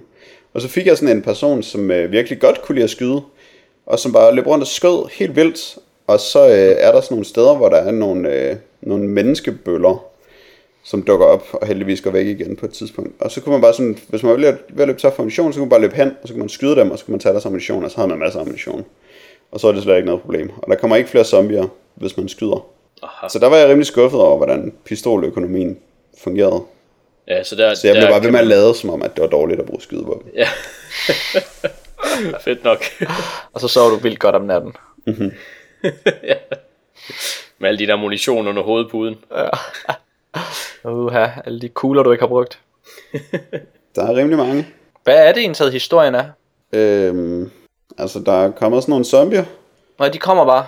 og det er øh, sådan en, øh, en virus, der findes der, som er muteret på grund af noget med de indfødte. Så man kommer også ud i junglen og møde de indfødte, som er sådan nogle rigtige hulabuller mænd, der kan give en sådan noget hulabuller visdom Nogle og bare asses. blodprøver. Jeg tænkte også lige på det. De er rimelig uh, bare asses. Meget, meget shiny bare asses. uh, og så øh, skal man uh, have lavet en modgift mod zombie-giften. Det er rigtigt, men, men dem man spiller er resistente. Ja. Så man, det gør ikke så meget, at man bliver bit og sådan badet i zombieblod hele tiden. Men der er kun sådan uh, en fyr, som sender en mystiske radiobeskeder, der kan få folk væk fra øen. Man kan ikke tage uh, sådan de både, man finder og sådan noget. Der er, der er kun én helikopter væk fra øen. Og for at han vil låne en helikopter, så skal man have en modgift til hans kone. Så det er man nødt til lige at få ordnet. Det kan jeg da godt se. Det skal til. Altså nu er det som det der open world, ikke? Der er, en rigtig mange, der er rigtig mange ting, man kan. Man kan løbe rundt og køre biler og stige level og altså få nogle skills, og man kan bygge videre på sine våben og sådan nogle ting. Har I sådan en yndlingsting der, eller ja, er der noget, I synes, der måske er lidt overflødigt? Um, altså jeg følte ikke rigtigt, at jeg havde brug for at, sådan, at power game særlig meget, fordi at jeg spillede bare co-op med jer, og vi, det virkede som om, vi kunne klare de fleste skær. Så jeg tog bare sådan nogle skills, som jeg synes, der virkede sådan lidt praktiske og sjove. For eksempel, at min våben ikke rigtig gik i stykker. Hvis du skal ikke bruge så meget tid på at finde nye og reparere dem. Eller at jeg kunne åbne låse. Så det var faktisk det eneste, jeg rigtig gjorde. Ja. Jeg synes, det er helt vildt sjovt, at ens våben går i stykker. Ja, det er det også. Det, det, jeg synes også, det er fedt, at man sparer på dem. Det virker, rigtig, det virker fint nok. Men det er også fedt at tænke på, at ens våben ikke går lige så meget i stykker. Ja. Jeg synes også, det er fedt, det der med våben, der går i stykker, faktisk. Ja, det giver sådan, øh, altså så finder man et eller andet fedt våben, og så tænker man, åh, det er fedt, det vil jeg bruge helt vildt, men jeg skal også passe lidt på, men ikke at bruge det for meget. Så jeg bruger bare den her over i stedet for. Ja, eller min, mit ben. Ja. Men det er også vigtigt for øh, dødsøkonomien, fordi når man dør, så mister man penge, og så betyder det, at man ikke kan reparere sine våben så meget. Eller opgradere dem til et eller andet, som man synes var sejt. Okay. Hvor meget mister man, når man dør? Det kommer der an på, hvor meget man har. Jeg tror, det må være en procentdel. Måske 10% af ens penge. Måske mere. Det har jeg ikke lige fulgt så meget med i. Men det Ej, gør, det er det er irriterende at dø. Især hvis man lige har en fed plan for, at man lige skal lave en Deathstalker mod på Sets Demise. Det katanaen fra Pulp Fiction kan man få som et unique weapon. Så hedder den Sets Demise. Og så kan man Deathstalker den, så øh, får zombier det helt dårligt, når man skærer i dem. Så står de bare kaster op, og så kan man skære mere i dem. Sejt. Så har man en fest. Det er meget Men til at begynde, altså hvad synes I om det der, øh, eller prøvede I overhovedet at modde nogle våben? Nej. Brug noget af crafting-systemet. Jo, altså man kunne gøre dem bedre, altså bare give dem plusser. Der var sådan nogle, du får et våben, og så har det sådan nogle prikker, der kan blive udfyldt. Ja. Og så udfylder man alle prikkerne. Kan Er det dem, Men man kan også øh, bygge om på dem, sådan så øh, de øh, har ild og strøm og gift og sådan noget. Nå, altså det er det med alle de der ting, man finder. Ja, det er ens crafting junk. Okay. Det virker som om, man skulle have ret meget af det, for at kunne lave noget som helst. Nej, man skal som regel ikke have sådan særlig meget, men man skal selvfølgelig have opskrifterne. Dem, dem har jeg godt nok ikke fundet særlig mange af. Jeg synes, det var øh, ret fjollet og irriterende, fordi det virkede ikke som noget.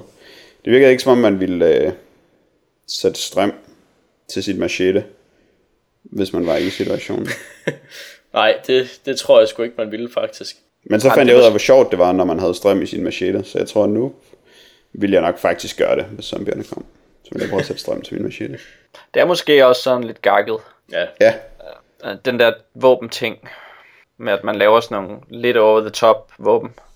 men jeg tror nemlig også, at jeg lige havde spillet Dead Rising, da jeg begyndte på Dead Island. Og der var jeg virkelig sur over, hvor åndssvage ting, man kunne bygge af våben. Ja, okay. Der kan Ja, man der lave er- nogle meget over the top ting. Og det synes Ja. ja. jeg er dårligt og urealistisk. Et kosteskaft med en kædesav i hver ende, det er ikke noget, som man kunne bruge til noget i virkeligheden. nej, det er rigtigt nok. Og, mm, altså to træer. Ja, jeg tror ikke, det vil du. Nej, nok Eller sådan en spand med en masse boremaskiner, som man sætter på hovedet af en zombie, og så kan man trykke på alle boremaskinerne, så bliver de boret i hovedet. Det er heller ikke et særligt godt våben, synes jeg. Det virker også irriterende. Ja, okay. Så der er Dead Island våben er sådan lidt mindre fjollet, Ja, Jamen, det virker som, den tager sig selv lidt mere alvorligt end Dead Rising. og det er godt. Ja, det er det vel. Ja, det, det er svært at, øh, altså, at sætte en finger på kvaliteterne sådan helt. ja, Fordi det er jo sådan, ja, det er svært. Altså, Jeg, jeg det ved jeg ikke, jeg har det sådan lidt, at jeg kommer nok ikke til at spille det vildt meget alene, men altså, jeg vil, jeg vil have det hyggeligt, hvis jeg skulle spille co-op i det igen. Jeg sidder sådan lidt og tænker over episoder, som var virkelig fede. Um, som var, wow, nu øh, kulminerer det hele bare, og, og nu har jeg det fedeste øjeblik i Dead Island. Og det, det var måske bare sådan lige i starten, da vi alle sammen står og sparker på en zombie, der ligger ned eller et eller andet. det var sådan toppen. Ja, det kan jeg godt se. Men altså, det var stadig sjovt at spille det. Jeg, kunne, jeg vil også gerne spille det igen en anden gang, men det er nok mest for co-op-delen. ja, Og bare sådan gå rundt og lave brunch. ja, det vil jeg nok også mene, det er nok det samme for mig. Fordi der er ikke noget, der driver mig frem i det her spil. Altså, der er de her folk, som man skal hjælpe, som er bare de, altså, de mest sådan, håbløse emo-typer. Der, altså, alle kvinderne, de sidder selvfølgelig i bikinier, og så sidder de bare, åh, jeg, jeg, jeg laver ikke noget, og der er zombie over det hele, og jeg har bikini på. og altså, det giver ingen mening, hvad de laver, og hvorfor, hvorfor de bare sidder på en eller anden Ja, de er rimelig passive, kan man sige. en eller anden floater fra en eller anden pool i et eller andet hus, og er lidt ked af det. Det er fordi, de dør, hvis de går udenfor. Så skal, de, øh, så skal de gøre et eller andet fornuftigt. Begynder at koge noget søvand. et eller andet. Det kan ikke passe, at alle folk bare bliver til sådan nogle øh, droner, som ikke laver en skid. Lige snart zombierne kommer, så skal der være fire eller tre players, som der skal løbe rundt og gøre alt for alle, fordi ingen andre tør gå ud. Det hænger ikke sammen, fordi når vi går ud, så er det mega let at smadre alle zombierne. Det er fordi, vi er immune.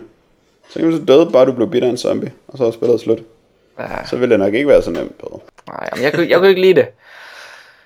Jeg kunne ikke lide alle de der kedelige mennesker, der bare sad og var sure. De skulle have haft noget mere personlighed. De skulle have, øh, altså, hey, der er hende der med en blå bikini, og der er hende der med en rød bikini.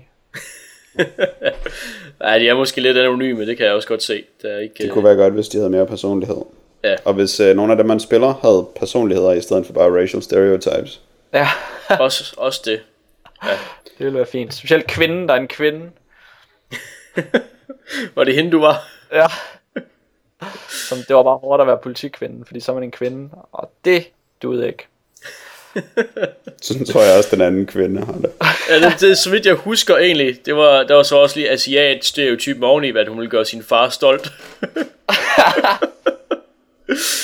så ja, Men jeg synes, Dead Island var vildt sjovt, og jeg har gennemført det helt alene, mens jeg kun har spillet med mig selv. Fordi jeg synes, det er virkelig sjovt at slås med zombier i det her spil.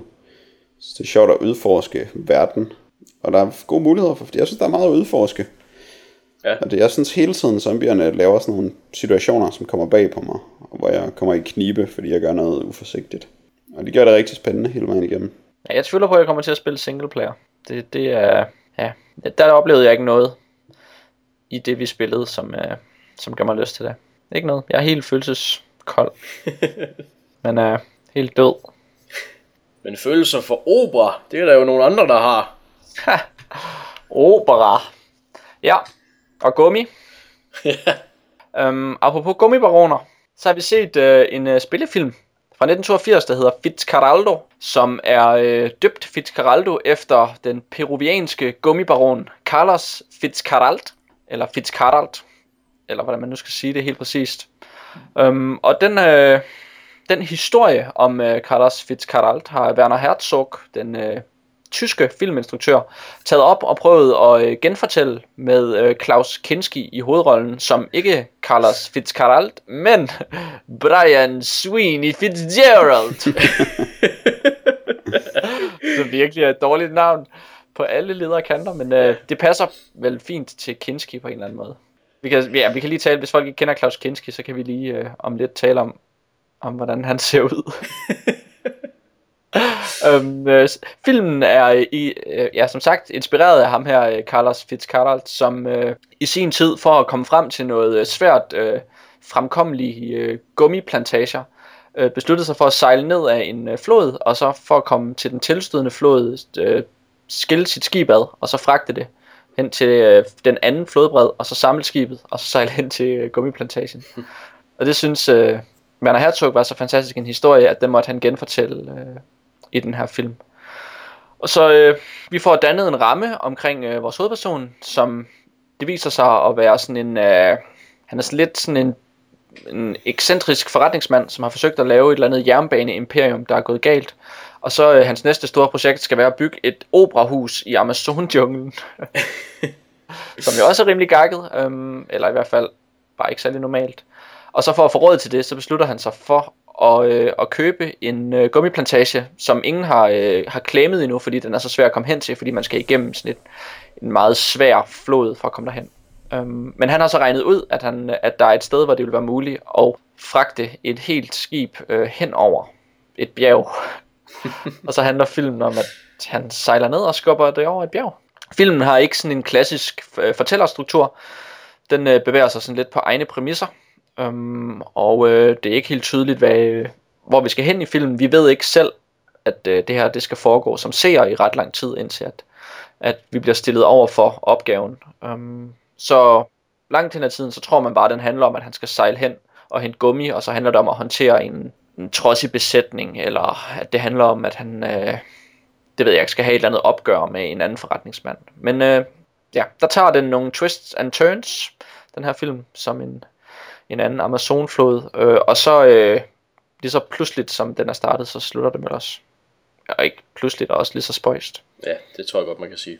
Øhm, er, den, øh, er det underholdning for jer? Altså, jeg vil sige, for mig, så tror jeg måske, at øh, citatet, øh, som jeg gav, som øh, er et af de, øh, et af de sætning, besætningsmedlemmer, han, han ligesom hyrer omkring 40 minutter i filmen, der synes jeg, at filmen for mig begynder at blive interessant. Øh, jeg synes, de første 40-45 minutter, de var sgu... De, det, var, det var meget langtrukket. Der sker sådan en masse ting, og han, hans øhm, hovedperson Fitzcarraldos øh, passion for opera bliver virkelig, virkelig understreget igen og igen. Øh, altså, han er sådan virkelig en opera-idiot, der sådan på, på i tider og utider fabler op om opera, eller om, at han vil have et operahus. Og man ved ikke helt, altså, altså det, er sådan lidt, det er sådan lidt ubehageligt nærmest, at okay, du, du er psykisk syg og vil have et operahus, så jeg synes, du skal gå i behandling. Men så bliver han så lidt mere afslappet, da han ligesom får en plan set ud til. Og så begynder man ligesom måske bedre kunne have, eller jeg, jeg kan i hvert fald bedre forholde mig til ham, når han ligesom har en plan, fordi så virker han ikke så, så psykisk syg, som han gør i starten. Nej, det er det. Men altså, filmen er jo også utrolig retningsløs, indtil at de kommer hen på det her skib, og vi ligesom ved, okay, nu skal de bare et sted hen. Det er rigtigt. den bruger meget tid på at forklare alle mulige komplicerede ting og unødvendige ting, virker det som om, i starten med finansieringen af projektet, og hvorfor han ikke kan låne af den ene og den anden, og hvad der er omkring øh, optioner på øh, landstykker og sådan noget. Ja, der er mange ting, man skal igennem, og, og jeg synes ikke, at, at alt bliver så super relevant senere hen heller ikke. Men, øhm, Men øh, så bare lige sådan, sådan helt hurtigt, ja eller nej, var, øh, var Kinski så øh, med til at gøre det interessant, eller, eller kunne du ikke lide øh, opera, idioten? altså, jeg, jeg, synes, han, altså, jeg synes, han var med til at gøre det interessant i sidste ende, ja. Okay, godt nok. Øh, Jack? Jeg var underholdt af Klaus Kinskis fjes. altså jeg tror lidt, det var, sådan, det var måske det eneste, jeg egentlig sådan særlig meget var interesseret i, eller kunne lide ved filmen, men det var til gengæld også nok at, til, at jeg godt kunne lide at se hele filmen, bare for at kigge på hans fjes. Ja. Det er altså, første gang, jeg har set en uh, Klaus Kinski-film, eller en uh, Werner Herzog fiktionsfilm for den sags skyld. Så det var, uh, det var rimelig fedt. Det var en stor oplevelse at kigge på ham, og høre på ham, og opleve ham. Ja. Han er svær at stå for, synes jeg. Ja, hvis vi lige sådan kort skal øh, beskrive et, øh, et billede af Kinski, så har han det der, øh, altså det virkelig sådan udtalte ansigt, med sådan næse og øjne og pande og læber. Han har meget store læber, Ja, øh, og sådan en spids næse, og så sådan indsunkne øjne, og så høje tændinger, og så sådan noget vildt hår. Hvis Frankensteins uhyre var lavet af Gollum, så ville det ligne Klaus Kinski. ja, men med meget pæne tænder af en eller anden Ja, grund. men altså også for store tænder. Også for store tænder, ja. Meget hvide. Ja, og jeg synes, det er super fedt i den første scene i filmen, hvor han sådan kommer løbende ind, hvor han har hat på, og så kommer han sådan ind og så tænker, åh, Ja. oh, han ser rimelig mærkelig ud, Klaus Kinski, og så tager han hatten af, og så er det bare fuldstændig fucked, fordi han også har verdens værste hår. og så ser han bare ud sådan noget resten af filmen. Han ser virkelig underlig ud. Men altså, i sin tid var han en meget eftertragtet skuespiller. Det forstår jeg godt. ja. Ja, men det er jo, han er jo meget karakteristisk, og han har jo også en eller anden drenget charme nærmest, med sådan lidt sådan, lidt sådan en sådan lidt fjollet smil. Altså, han er meget intens. Ja, Jeg føler hele tiden, at han sådan var, øh, var helt oppe i ansigtet på mig. Ja. Og uterrenelig virkede han også. utilregneligt er et godt ord at sætte på ham. Ja, og, det er jo, og han kan jo så bære den her fuldstændig sindssyge rolle, eller han er bare den her fuldstændig sindssyge rolle. Og det er jo faktisk lidt et tilfælde, at, øh, eller sådan er det jo med så mange film, så jeg ved ikke, om det er interessant at fortælle historien om, at det var en anden, der skulle have spillet rollen. Um, men når man så læser om det, så tænker man, at det er svært at forestille sig den her film uden Kinski. Det er helt sikkert. Um, ja, og så er der jo den her sådan, specielle historie mellem Herzog og Kinski, hvor de jo er, har sådan et virkelig ambivalent forhold til hinanden. Um, fordi de 10 år forinden Fitzgeraldo lavede uh, Aguera der Sondes Gottes, som, uh, som også foregår i Peru, og også sådan ude i ingenting, og også sammen med nogle stammefolk, som de render rundt med. Og hvor at, uh, at de efter sine er, har, er op og kører omkring hinanden, og Klaus Kinski affyrer nogle skud og skyder en finger af en eller anden mand, og, og Herzog truer med at, øh, at skyde Kinski, og der er sådan en masse spekulation omkring, hvorvidt han faktisk truede ham at gunpoint til at spille skuespil og sådan noget. Så der er det her meget sådan intense forhold mellem Herzog og, øh, og Kinski, som man også lidt kan fornemme, og noget med alle de der stammefolk, som selvfølgelig hader Kinski overalt på jorden, fordi at, at han er et sådan frygtelig arigt menneske. Øhm, og det er jo også sjovt at se den her film, fordi at store dele af Fitzcarraldo, der har vi det her stammefolk, som, øh, som jo kommer dem til undsætning. I starten så er de den store trussel, når de sejler ned ad den her flod, fordi de, de kan se, at de indfødte er ved at, øh, at nærme sig, og de laver sådan, de er på krigsstien, tror vi. Og så bliver den originale besætning jo vildt bange og stikker af, og så, bliver, og så viser det sig, at de er flinke og godt vil hjælpe vores hovedperson med at skubbe et øh, 300 ton skib over et bjerg. Ja, Og så har vi alle de her scener med det her indfødte, som ikke rigtig virker, som om de spiller skuespil. Hvordan så I det? Det var sådan rimelig irriterende. Det lignede meget sådan nogle indfødte, som man havde med i en film. Og så stod de bare også så indfødte ud. ja. Det var sådan lidt uh, exploitation-agtigt. På en måde, der ikke skabte nogen værdi, men mest bare var lidt, det var irriterende. Ja, altså det, det, de står rigtig meget bare glor, ikke? Jo. Altså sådan virkelig meget. og det, det, jeg synes, det virkede godt i den der scene, hvor, man, hvor de næsten lige har mødt dem, hvor de, hvor de der øhm, sidste besætningsmedlemmer sidder og spiser middag. Og så står der bare helt vildt mange inde i deres lille kabys. Og det synes jeg, det var fedt nok, for der var det sådan en slags trusselselement. Men så står de bare helt vildt tit efter det også bare sådan og glor. Og så Altså, der er, det jo, måske der er lidt jo kedeligt. mange, hvis jeg lige kan bryde ind, der er mange anekdoter omkring den her film, og der er også lavet dokumentarfilm om den her film. Og efter sine så er det jo øh, stammelederen, som der i den der scene, du beskriver, han har noget, han siger, som er sådan ret voldsomt og følelsesmæssigt. Og det skulle faktisk være sådan hans udtalte kritik af Kinskis person, som han faktisk øh, øh, formulerer der. Ja. Og hvor meget han ikke kan lide Klaus Kinski. Ja, men Og han det er også noget med, at han tilbyder øh, Herzog i, i løbet af produktionen at dræbe Kinski. det er enten i den her, eller så er det i den forrige film, at det bliver tilbudt. Ja, okay. Jamen, han står også og peger på ham og ikke kan lide ham. Altså, det virker... Så meget virker det tydeligt i hvert fald. Ja, men den, den der disconnect mellem fiktionen og virkeligheden, eller Ja. bringer det slet ikke noget til det, Jack? Nej, det synes jeg ikke. Men altså, jeg havde også lidt fået fortalt, hvad filmen den var for noget med, at der var det der skib, som de skulle slæbe over, og så slæbte de det over i virkeligheden. Og så var det sådan en stor ting. Og det, altså, det skulle jeg nok ikke have vidst før bagefter, eller et eller andet, fordi ja, det virkede bare så prosaisk det hele. Det var sådan, ja, der er nogle indfødte, ja, vi kører det her skib hen over bjerget. Og det er sådan et rigtigt skib, men det ligner også bare et rigtigt skib, der bliver slæbt mm. hen over et bjerg. Jeg, jeg, det blev måske lidt for sådan øh, køkkenvaskrealisme til, at jeg rigtig kunne få det der episke, mytologiserende, der var i, at de fandt på noget så vanvittigt at gøre og slæbe det over. Det føltes ikke særlig episk. Nej, så gør det udelukkende, fordi det er vanvittigt. Altså, så er det jo ikke mm. rigtigt. Det er svært at se det som, som en god historie. Ja. ja. Det, det er rigtigt faktisk. Det, det, Er det, er det en god historie at bare gøre et eller andet for at gøre det? Jeg tror Ja. måske, det kan være en god historie. Men det er svært at svare på. Ja, altså det ville være sjovere, hvis de i virkeligheden byggede et operahus i Amazon. ja, ude i junglen, ja. Altså, det virker som, det virker som en lidt bedre historie. Men ja, i det hele taget, så synes jeg, at filmen den var sådan lidt flad og kedelig det meste af tiden. Ja, altså, Undtagen, når Claus Kinskis fjes var til stede. ja, altså det er meget, det er meget ham, man, altså, det er meget ham, man vil se gøre ting, ikke? Og så, så sker der også nogle andre ting, men, men det virker ikke så skide vigtigt, hvad der ellers sker. Altså, det er lidt vigtigt, hvordan han reagerer på ting. Og så er det fedt, at der er sådan der to store dramatiske øjeblikke i filmen, hvor, hvor der sådan er nogle plotpunkter, der bliver aktiveret, og begge scener, der sover Kinski. og så vågner han om morgenen, hvad, hvad er der sket? Og så Ja. er det enten skrevet, eller også så flyder han rundt i en, uh, hvad hedder det, i sådan en, når floden er vild, en vild Yes. flod. Ja, sådan, ja. en vild flod. vild det er flod. rigtigt, ja. Han, han sover faktisk, når der sker sådan de der helt store ting. Så det eneste ved nogen andre i filmen, jeg kunne lide, det var, at øh, Claudia Cardinale, som spiller hans kæreste, hun hele tiden bakkede op om hans idéer. Det var dejligt, at den ikke øh, faldt tilbage på sådan en kedelig, ah, hans kone vil ikke have, at han gør noget skørt, fordi koner er tyranniske, og øh, mænd gør fjollede ting. Hun synes bare, det var en vildt god idé, alt det han fandt på. Det var så Og så, så er hun også, altså, jeg kan godt lide hende som skuespiller. Altså, jeg synes bare, hun udfylder, hun udfylder, fylder, det kan jeg ikke sige, rollen godt.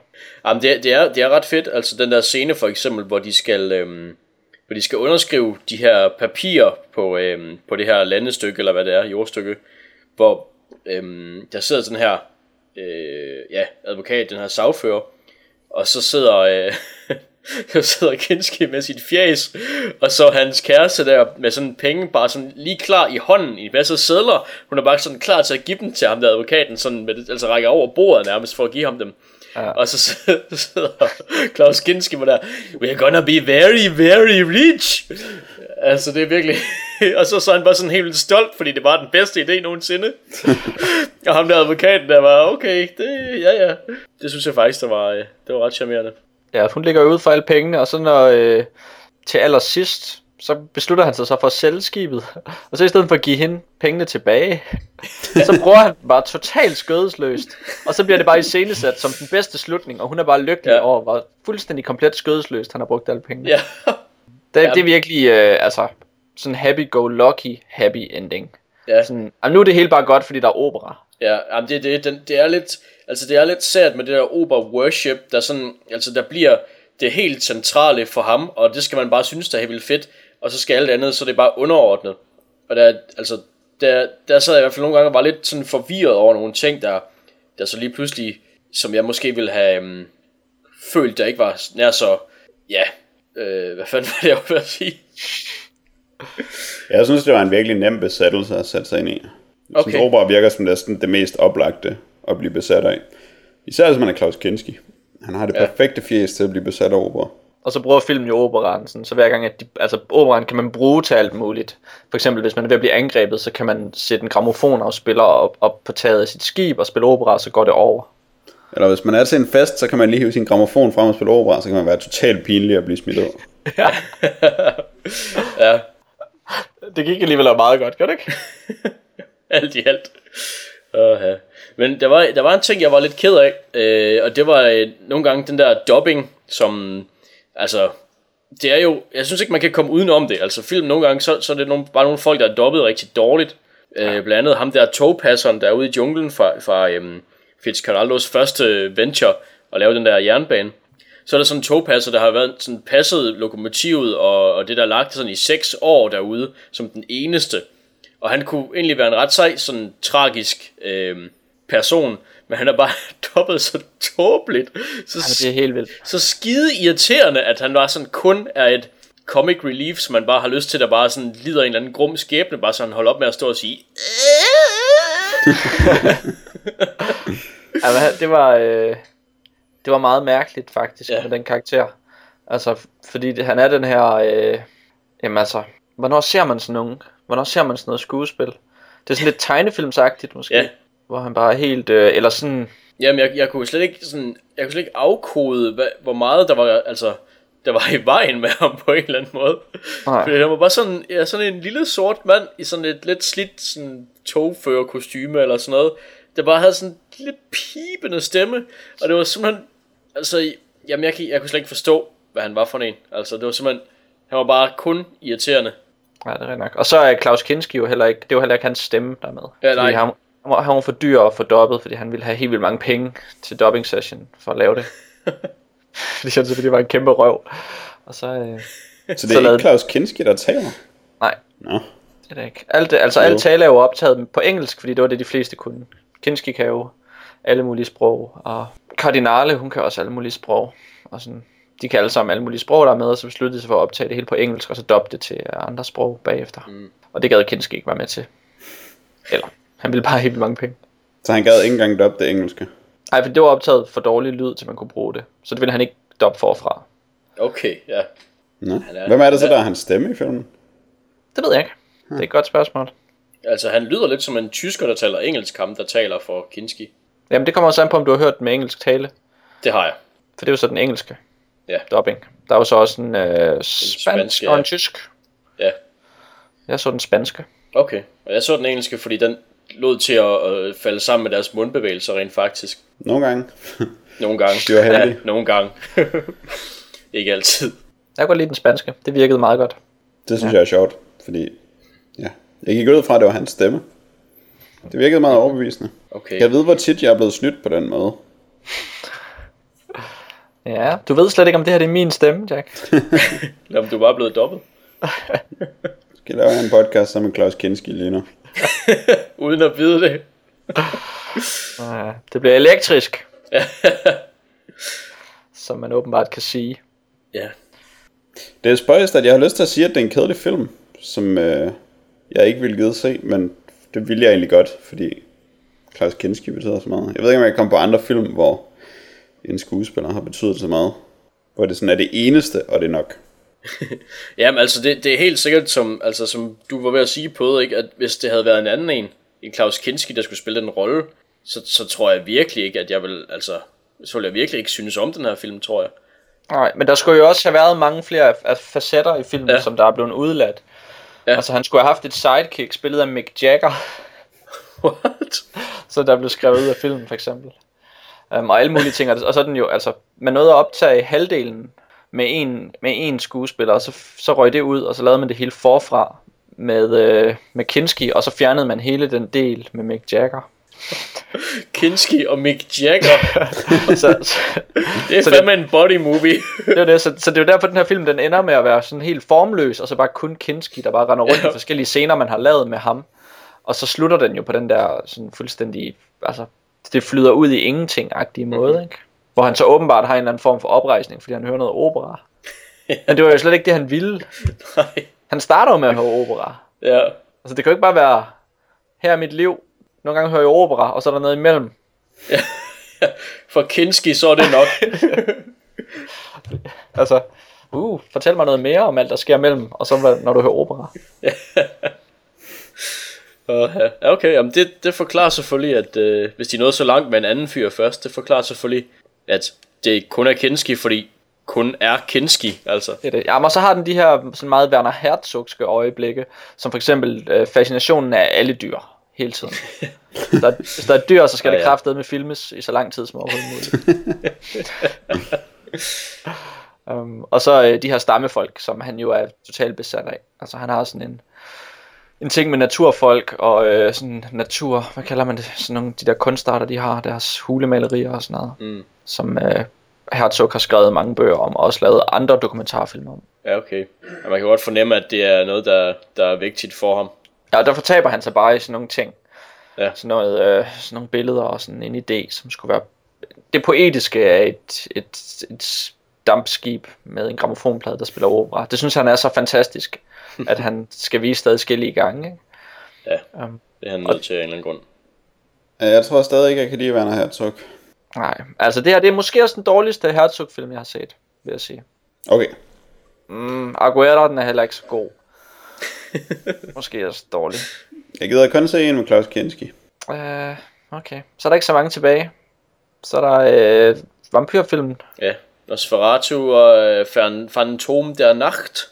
Og så den der, der ikke er Strasjek, men minder om det. Vyshek eller sådan noget. Ah ja, Eller hvad den hedder. ja, noget i den retning. Ja. Så det er dem, jeg anbefaler. Nej, jeg anbefaler ikke noget med Klaus Kinski. Altså, du, du får øh, læber for alle pengene i Phantom der Nacht, Jack. Det lyder meget godt. Altså, hvis det er Claus Kinskis læber, så køber Ja, jeg det er det. Det er det. Han minder måske lidt om Peter Lorre på en eller anden måde. Mm, ja, Og så sådan en tegneserie ansigt. ja. Med læberne der og sådan noget, det kan jeg godt se. Og det der gale ansigtsudtryk. Altså, hvis han slapper af i hovedet, så ser han fuldstændig gal ud.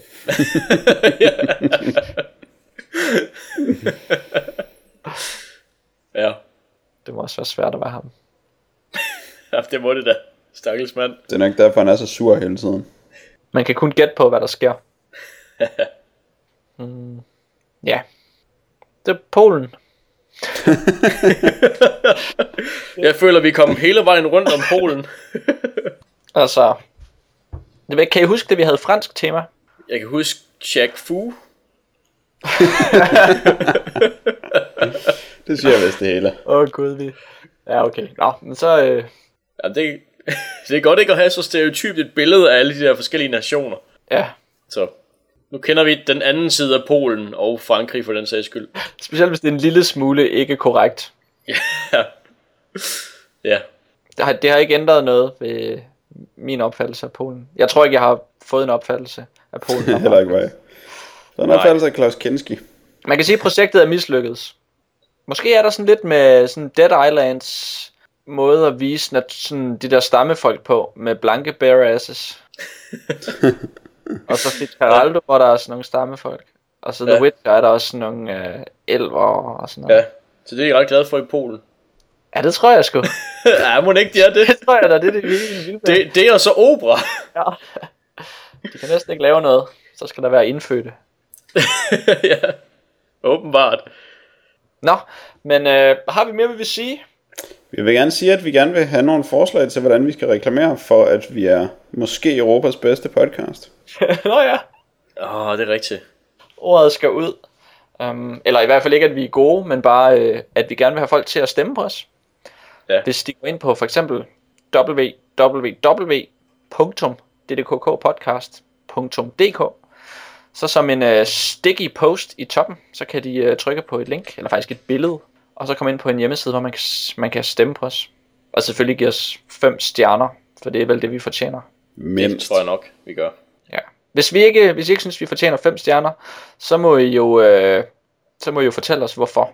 Men øh, så kunne jeg også, fordi I havde også så meget, skrive et brev med noget virkelig åndssvagt, som vi skulle gøre for at reklamere for det her. Og så ville vi, vi blive til grin i hele byen, og så ville I have fået jeres hævn. For eksempel, oh. øh, hvis I var nedarvet fra Kinski, eller havde en finger med i spillet i Falkeskrigen i The Witcher, og føler, at I blev nu retfærdigt behandlet. ja, altså så, så vil vi virkelig gerne høre om det. Ellers så laver vi en reklame for vores podcast kun med Falkeskrig. Ja, og så, og så er det så jeres skyld, kan man sige. Ja, dig. Det er Og så din. skal I se den. Ja, reklamen. Så sådan. Ja, hvis, øh, hvis I vil have flere eller færre falkeskrig, eller præcis det amount, som vi har nu, så, øh, så synes jeg, I skal skrive til en adresse, der hedder en...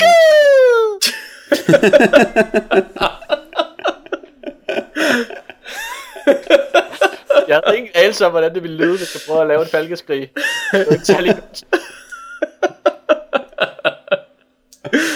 Jeg synes faktisk, det lød rimelig godt.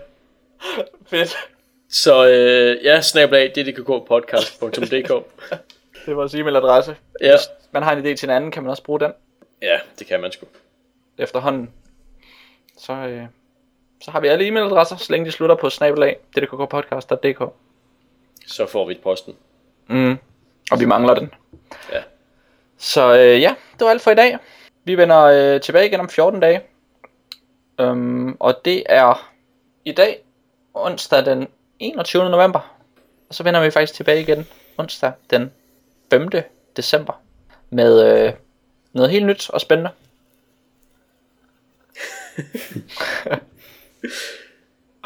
Jeg ved godt, hvad temaet er. Jeg kan ikke lige huske det. Hvad er det der? Nej, det er ikke nyt og spændende. Det er måske det ældste af alle temaer. Er det... Øh, Prostitution? Nej, mænd i masker. Mænd i mask. Det er rigtigt. Nå, okay. Nå, så bliver det ikke så skide spændende. Øh, så vender vi tilbage med et afsnit om mænd i masker. Hvem- Ej, Hvem finder på alle de her ting her? hvor jeg fandme lyst til kiks.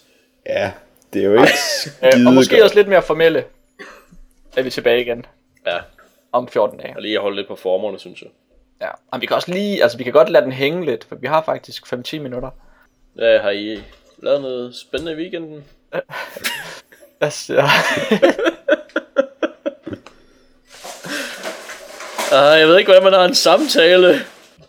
Du skal bare forestille dig, at Jack han er ved at justere lyden på sin mikrofon, og så skal du bare tale helt vildt, og så bare gøre det, du plejer.